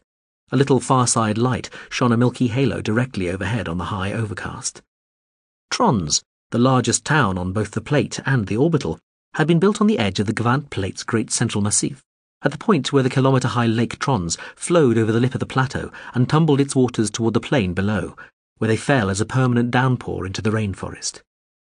Tronze was the home of fewer than a hundred thousand people, but to Gurgeh it still felt too crowded, Despite its spacious houses and squares, its sweeping galleries and plazas and terraces, its thousands of houseboats and its elegant bridge-linked towers. Tronze, for all the fact that Chiark was a fairly recent orbital, only a thousand or so years old, was already almost as big as any orbital community ever grew. The culture's real cities were its great ships, the general systems vehicles. Orbitals were its rustic hinterland, where people liked to spread themselves out with plenty of elbow room. In terms of scale, when compared to one of the larger GSVs containing billions of people, Tronze was barely a village. Gurgeh usually attended the Tronze' 64th day concert, and he was usually buttonholed by enthusiasts. Normally, Gurgeh was civil, if occasionally abrupt. Tonight, after the fiasco on the train and that strange, exciting, shaming pulse of emotion he'd experienced as a result of being thought to cheat, not to mention the slight nervousness he'd felt because he'd heard the girl off the GSV cargo cult was indeed here in Tronze this evening and looking forward to meeting him. He was in no mood to suffer fools gladly. Not that the unlucky young male was necessarily a complete idiot. All he'd done was sketch out what had been, after all, not a bad idea for a game. But Gurgeh had fallen on him like an avalanche. The conversation, if you could call it that, had become a game. The object was to keep talking not to talk continuously, which any idiot could do, but to pause only when the young man was not signalling, through bodily or facial language or actually starting to speak, that he wanted to cut in. Instead, Gurgeh would stop unexpectedly in the middle of a point, or after having just said something mildly insulting, but while still giving the impression he was going to keep talking. Also, Gurgeh was quoting almost verbatim from one of his own more famous papers on game theory. An added insult, as the young man probably knew the text as well as he did. To imply, Gurgeh continued, as the young man's mouth started to open again, that one can remove the element of luck, chance, happenstance in life by. Jer now, Gurgeh. Not interrupting anything, am I? Mawhrin-Skel said. Nothing of note, Gurgeh said, turning to face the small machine. How are you, Mawhrin-Skel? Been up to any fresh mischief? Nothing of note, the tiny drone echoed, as the young man Gurgeh had been talking to sidled off. Gurgeh sat in a creeper-covered pergola positioned close to one edge of the plaza, near the observation platforms which reached out over the broad curtain of the falls, where spray rose from the rapids lying between the lip of the lake and the vertical drop to the forest a kilometre below. The roaring falls provided a background wash of white noise. I found your young adversary, the small drone announced. It extended one slowly glowing blue field and plucked a night flower from a growing vine. Hmm? Gurgeh said, Oh, the young, uh, stricken player. That's right, Mawhrin-Skel said evenly. The young, uh, stricken player. It folded some of the night flower's petals back, straining them on the plucked stem. I heard she was here, Gurgeh said. She's at Hafflis's table. Shall we go and meet her? Why not? Gurgeh stood. The machine floated away. Nervous? Mawhrin-Skel asked, as they headed through the crowds toward one of the raised terraces level with the lake, where Hafflis's apartments were. Nervous, Gurgeh said. Of a child? Mawhrin-Skel floated silently for a moment or two as Gurgeh climbed some steps. Gurgeh nodded and said hello to a few people. Then the machine came close to him and said quietly, as it slowly stripped the petals from the dying blossom, Want me to tell you your heart rate, skin receptivity level, pheromone signature, neuron function state? Its voice trailed off as Gurgeh came to a halt, halfway up the flight of broad steps.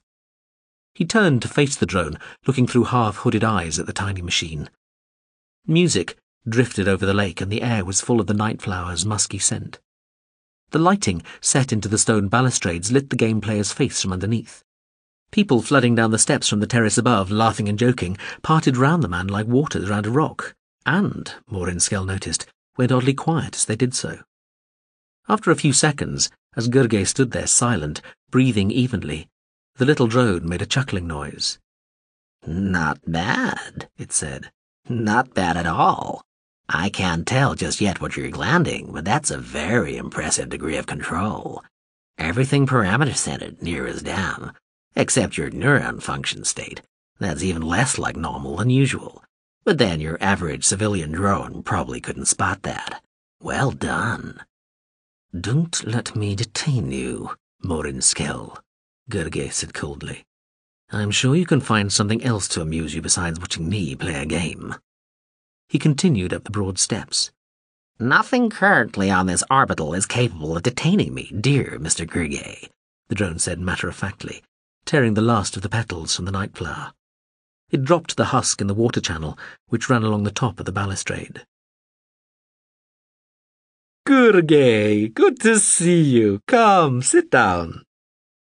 Istray Hafflis's party of thirty or so people sat around a huge rectangular stone table set on a balcony jutting out over the falls and covered by stone arches strung with nightflower vines and softly shining paper lanterns.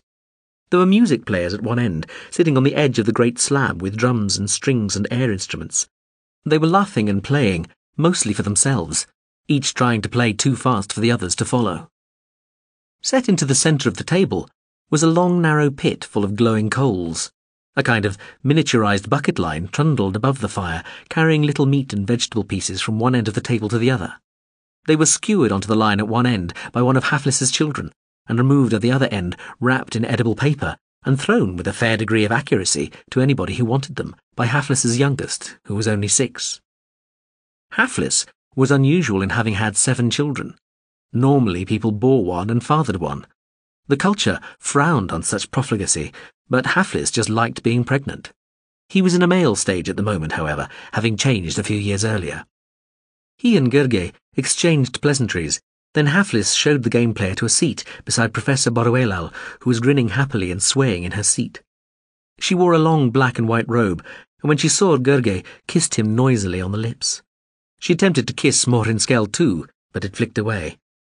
She laughed and speared a half-done piece of meat from the line over the centre of the table with a long fork. Gurgeh, meet the lovely Olz Hap, Olz Jernau Gurgeh. Come on, shake hands.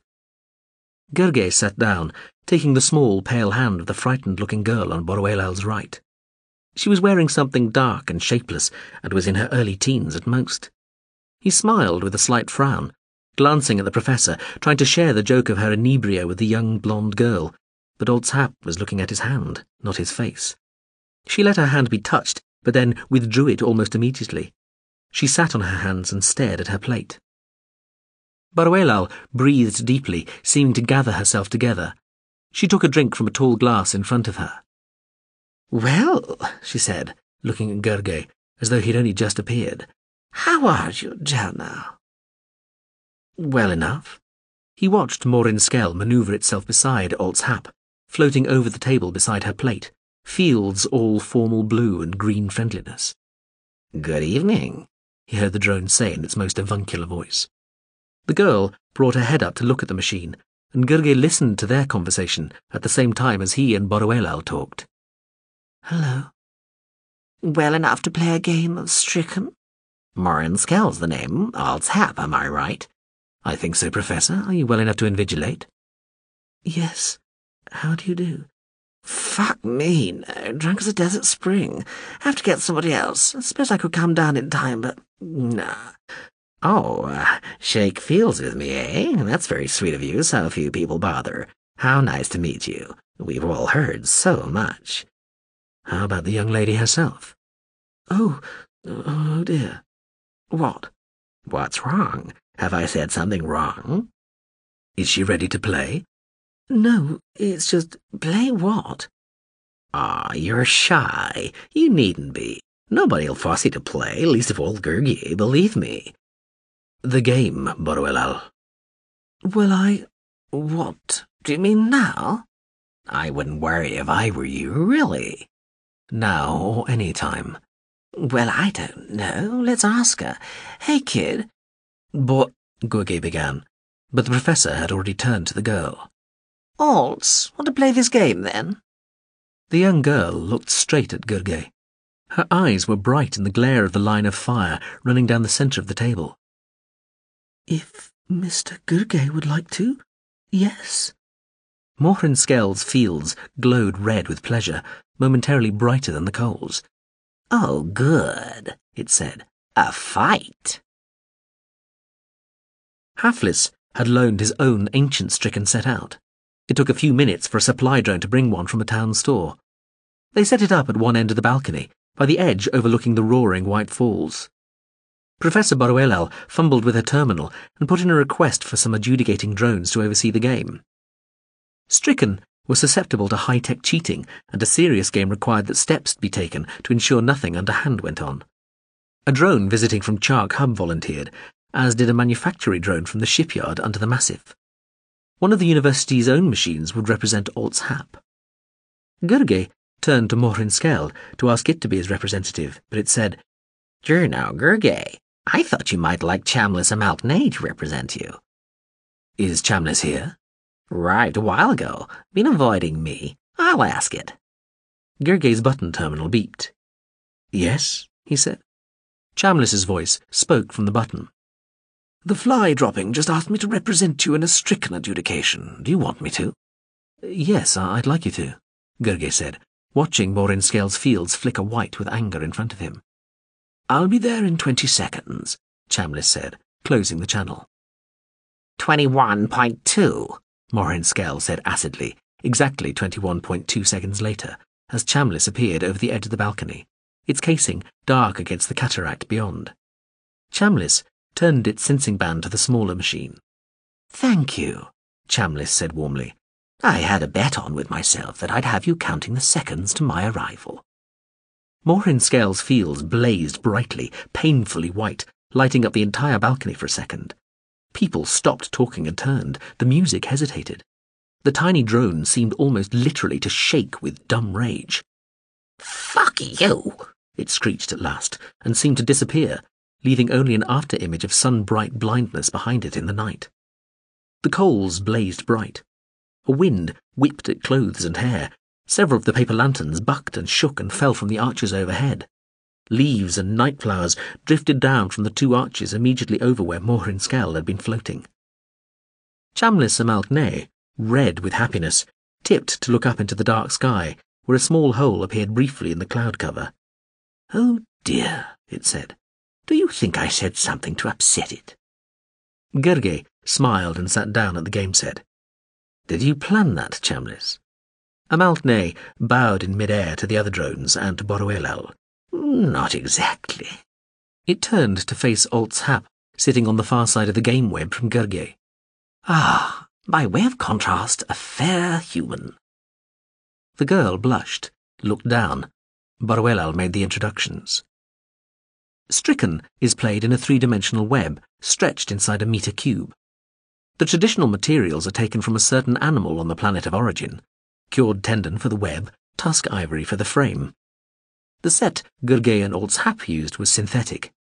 They each put up their hinged screens, took the bags of hollow globes and coloured beads, nutshells and stones in the original, and selected the beads they wanted, locking them in the globes. The adjudicating drones ensured there was no possibility of anyone seeing which beads went into which shells. Then the man and the girl each took a handful of the little spheres and placed them in various places inside the web. The game had begun. She was good. Gurgeh was impressed. Olz Hap was impetuous but canny, brave but not stupid. She was also very lucky. But there was luck and luck. Sometimes you could sniff it out, recognize things were going well and would probably continue to go well and play to that. If things did keep going right, you profited extravagantly. If the luck didn't persist, well, you just played the percentages. The girl had that sort of luck that night. She made the right guesses about Gurgeh's pieces, capturing several strong beads in weak disguises. She anticipated moves he'd sealed in the foretell shells, and she ignored the tempting traps and feints he set up. Somehow, he struggled on, coming up with desperate improvised defences against each attack, but it was all too seat of the pants, too extemporary and tactical. He wasn't being allowed the time to develop his pieces or plan a strategy. He was responding, following, replying. He preferred to have the initiative. It was some time before he realized just how audacious the girl was being. She was going for a full web. The simultaneous capture of every remaining point in the game space. She wasn't just trying to win, she was trying to pull off a coup which only a handful of the game's greatest players had ever accomplished, and which nobody in the culture, to Gurgeh's knowledge, had yet achieved. Gurgeh could hardly believe it, but it was what she was doing. She was sapping pieces, but not obliterating them, then falling back. She was striking out through his own avenues of weakness, then holding there. She was inviting him to come back, of course, giving him a better chance of winning, and indeed of achieving the same momentous result, though with far less hope of doing so. But the self confidence of it, the experience and even arrogance such a course implied. He looked at the slight, calm faced girl through the web of thin wires and little suspended spheres, and could not help but admire her ambition, her vaulting ability and self belief. She was playing for the grand gesture and to the gallery, not settling for a reasonable win, despite the fact that the reasonable win would be over a famous, respected game player. And Boruelal had thought she might feel intimidated by him? Well, good for her. Gurgeh sat forward, rubbing his beard, oblivious of the people now packing the balcony, silently watching the game. He struggled back into it somehow, partly luck, partly more skill than even he thought he possessed. The game was still poised for a full web victory, and she was still the most likely to achieve it, but at least his position looked less hopeless. Somebody brought him a glass of water and something to eat. He vaguely recalled being grateful. The game went on. People came and went around him. The web held all his fortune. The little spheres, holding their secret treasures and threats, became like discrete parcels of life and death. Single points of probability which could be guessed at but never known until they were challenged, opened, looked at. All reality seemed to hinge on those infinitesimal bundles of meaning. He no longer knew what body made drugs washed through him, nor could he guess what the girl was using. He had lost all sense of self and time. The game drifted for a few moves as they both lost concentration, then came alive again. He became aware, very slowly, very gradually, that he held some impossibly complex model of the contest in his head, unknowably dense, multifariously planed. He looked at that model, twisted it. The game changed. He saw a way to win. The full web remained a possibility. His now. It all depended. Another twist? Yes, he would win, almost certainly. But that was no longer enough. The full web beckoned, tantalizingly, seductively, entrancingly. Gurgeh? Boruelal shook him. He looked up. There was a hint of dawn over the mountains. Boruelal's face looked grey and sober. Gurgeh, a break. It's been six hours. Do you agree? A break, yes? He looked through the web at the pale, waxen face of the young girl. He gazed round in a sort of daze. Most of the people had gone. The paper lanterns had disappeared too. He felt vaguely sorry to have missed the little ritual of throwing the glowing lamps over the terrace edge and watching them drift down to the forest. Burrow shook him once more. Gurgeh. Yes, a break. Yes, of course, he croaked. He got up, stiff and sore, muscles protesting and joints creaking. Chamlis had to stay with the game set to ensure the adjudication. Grey dawn spread across the sky. Somebody gave him some hot soup, which he sipped while he ate a few crackers and wandered through the quiet arcades for a while, where a few people slept or still sat and talked, or danced to quiet recorded music. He leaned on the balustrade above the kilometre drop, sipping and munching, dazed and vacant from the game, still playing and replaying it somewhere inside his head. The lights of the towns and villages on the mist-strewn plain below, beyond the semicircle of dark rainforest, looked pale and uncertain. Distant mountain tops shone pink and naked. Jernau Gurgeh, a soft voice said. He looked over the plain. The drone, Mawhrin-Skel, floated a metre from his face. Mawhrin-Skel, he said quietly. Good morning. Good morning. How goes the game? Fine, thank you. I think I'll win now. Pretty sure, in fact but there's just a chance I might win. He felt himself smiling. Famously. Really? Mawhrin-Skel continued to float there over the drop in front of him. It kept its voice soft, though there was nobody nearby. Its fields were off. Its surface was an odd, mottled mixture of grey tones. Yes, Gurgeh said, and briefly explained about a full web victory. The drone seemed to understand. So you have won, but you could win the full web, which no one in the culture has ever done save for exhibition purposes to prove its possibility. That's right. He nodded, looked over the light-speckled plain. That's right. He finished the crackers, brushed his hands slowly free of crumbs. He left the soup bowl balanced on the balustrade. Does it really, Mawhrin-Skel said thoughtfully, matter who first wins a full web? Hmm? Gurgeh said. Mawhrin-Skel drifted closer. Does it really matter who first wins one? Somebody will. But does it count for much who does? It would appear to be a very unlikely eventuality in any given game. Has it really much to do with skill? Not beyond a certain point, Gurgeh admitted. It requires a lucky genius. But that could be you. Maybe. Gurgeh smiled across the gulf of chill morning air. He drew his jacket closer about him. It depends entirely on the disposition of certain coloured beads in certain metal spheres, he laughed. A victory that would echo around the game-playing galaxy, and it depends on where a child placed... His voice trailed off. He looked at the tiny drone again, frowning. Sorry, getting a bit melodramatic. He shrugged, leaned on the stone edge. It would be pleasant to win, but it's unlikely, I'm afraid. Somebody else will do it, sometime. But it might as well be you, Mawhrin-Skel hissed, floating still closer. Gurgeh had to draw away to focus on the device. Well, why leave it to chance, Jernau Gurgeh? Morin Skell said, pulling back a little. Why abandon it to mere stupid luck? What are you talking about? Gurgeh said slowly eyes narrowing. The drug trance was dissipating, the spell breaking. He felt keen, keyed up, nervous and excited at once. I can tell you which beads are in which globes, Mawhrin-Skel said. Gurgeh laughed gently. Nonsense. The drone floated closer. I can. They didn't tear everything out of me when they turned me away from SC. I have more senses than cretins like Amalk-ney have even heard of. It closed in. Let me use them. Let me tell you what is where in your bead game. Let me help you to the full web. Gurgeh stood back from the balustrade, shaking his head. You can't. The other drones are weak simpletons, Gurgeh, Morin Skell insisted.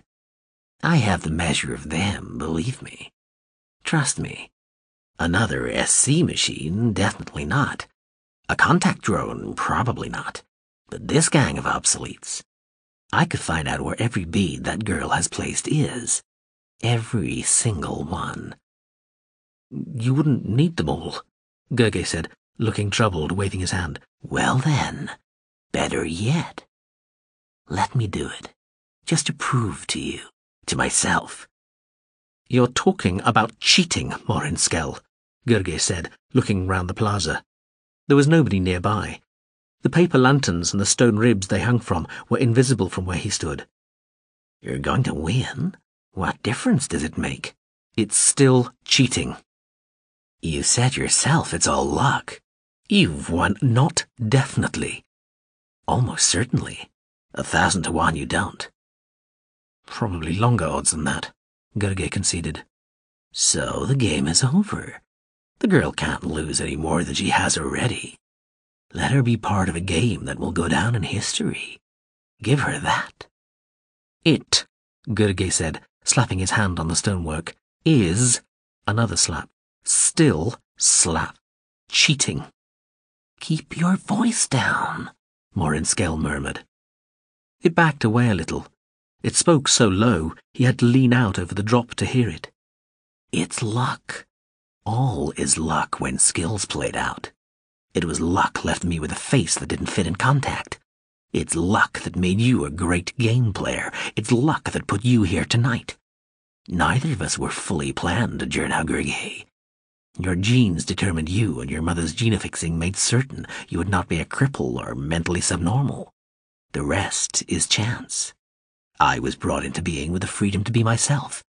If what that general plan and that particular luck produced is something a majority, a majority, mark you, not all, of one SC admissions board decides is not what they just happen to want, is it my fault? Is it? No, Gurgeh sighed, looking down.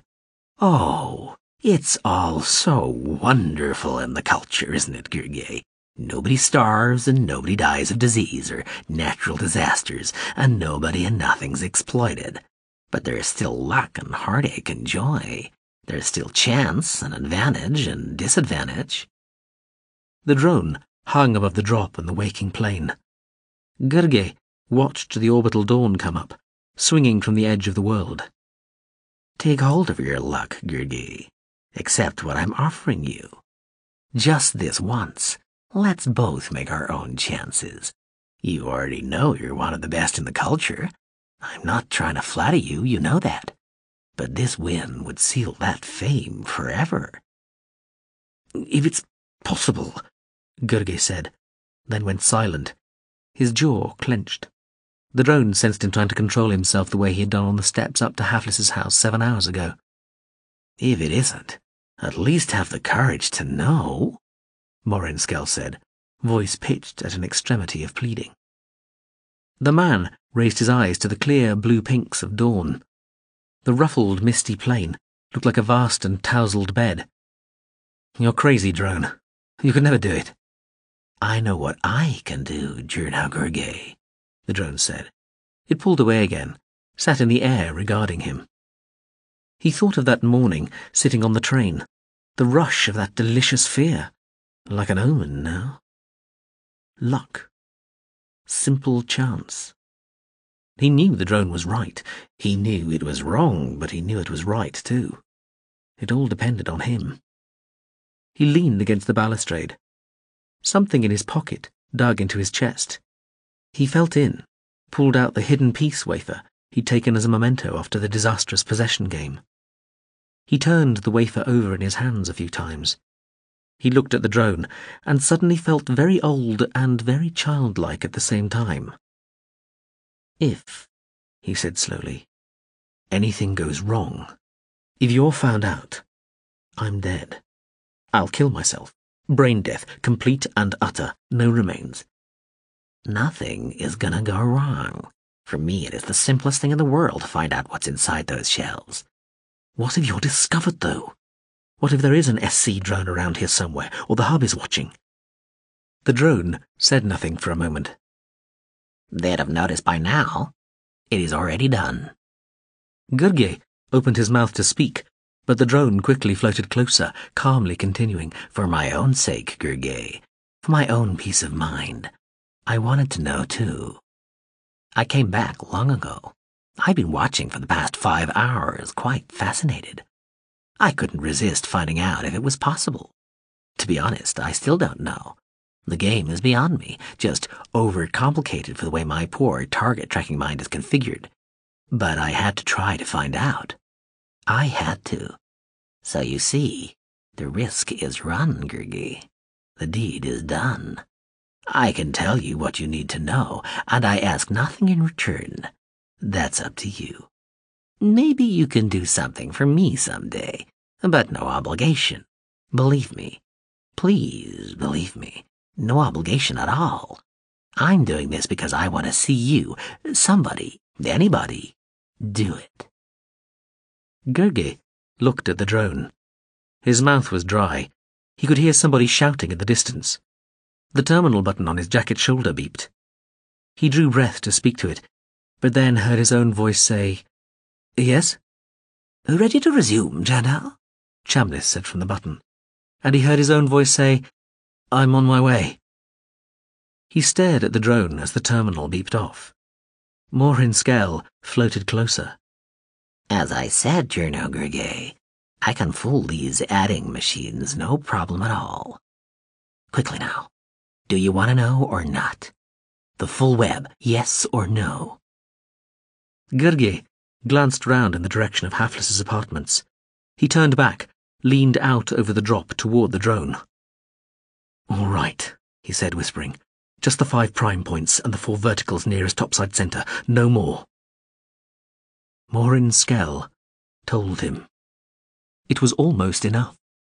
The girl struggled brilliantly to the very end and deprived him on the final move.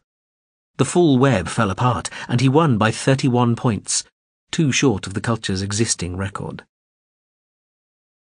One of Estre Hafflis's house drones was dimly confused to discover while cleaning up under the great stone table much later that morning a crushed and shattered ceramic wafer with warped and twisted number dial set into its crazed and distorted surface.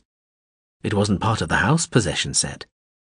The machine's non-sentient, mechanistic, entirely predictable brain thought about it for a while, then finally decided to junk the mysterious remnant along with the rest of the debris.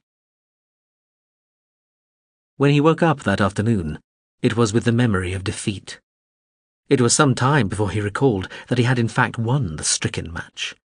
Victory had never been so bitter. He breakfasted alone on the terrace, watching a fleet of sailboats cut down the narrow fjord, bright sails in a fresh breeze. His right hand hurt a little as he held his bowl and cup. He'd come close to drawing blood when he'd crushed the possession wafer at the end of the stricken match. He dressed in a long coat, trews and short kilt, and went on a long walk down to the shore of the fjord and then along it toward the seacoast and the windswept dunes where Hassiz lay, the house he'd been born in, where a few of his extended family still lived. He tramped along the coast path toward the house, through the blasted, twisted shapes of wind-misshapen trees. The grass made sighing noises around him, and seabirds cried. The breeze was cold and freshening under ragged clouds. Out to sea, beyond Hassi's village, where the weather was coming from, he could see tall veils of rain under a dark front of storm clouds. He drew his coat tighter about him and hurried toward the distant silhouette of the sprawling, ramshackle house, thinking he should have taken an underground car. The wind whipped up sand from the distant beach and threw it inland. He blinked, eyes watering. Gurgeh. The voice was quite loud louder than the sound of sighing grass and wind-troubled tree branches.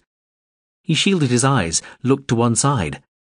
Gurgeh, the voice said again. He peered into the shade of a stunted, slanting tree. Mawhrin-Skel, is that you? The same, the small drone said, floating forward over the path. Gurgeh looked out to sea. He started down the path to the house again, but the drone did not follow him. Well, he told it, looking back from a few paces away. I must keep going. I'll get wet if I. No, Mawhrin-Skel said. Don't go. I have to talk to you. This is important. Then tell me as I walk, he said, suddenly annoyed. He strode away, The drone flashed round in front of him, at face level, so that he had to stop or he'd have bumped into it. It's about the game, Stricken, last night and this morning. I believe I already said thank you, he told the machine. He looked beyond it. The leading edge of the squall was hitting the far end of the village harbour beyond Hassiz. The dark clouds were almost above him, casting a great shadow. And I believe I said you might be able to help me one day. Oh? Gurgeh said, with an expression more sneer than smile. And what am I supposed to be able to do for you? Help me, Mawhrin-Skel said quietly, voice almost lost in the noise of the wind. Help me to get back into contact. Don't be absurd, Gurgeh said, and put out one hand to swipe the machine out of his path. He forced his way past it. The next thing he knew, he'd been shoved down into the grass at the pathside as though shoulder charged by someone invisible. He stared up in amazement at the tiny machine floating above him, while his hands felt the damp ground under him and the grass hissed on each side. You little, he said, trying to stand up. He was shoved back down again and sat there incredulous, simply unbelieving. No machine had ever used force on him. It was unheard of. He tried to rise again, a shout of anger and frustration forming in his throat. He went limp. The shout died in his mouth,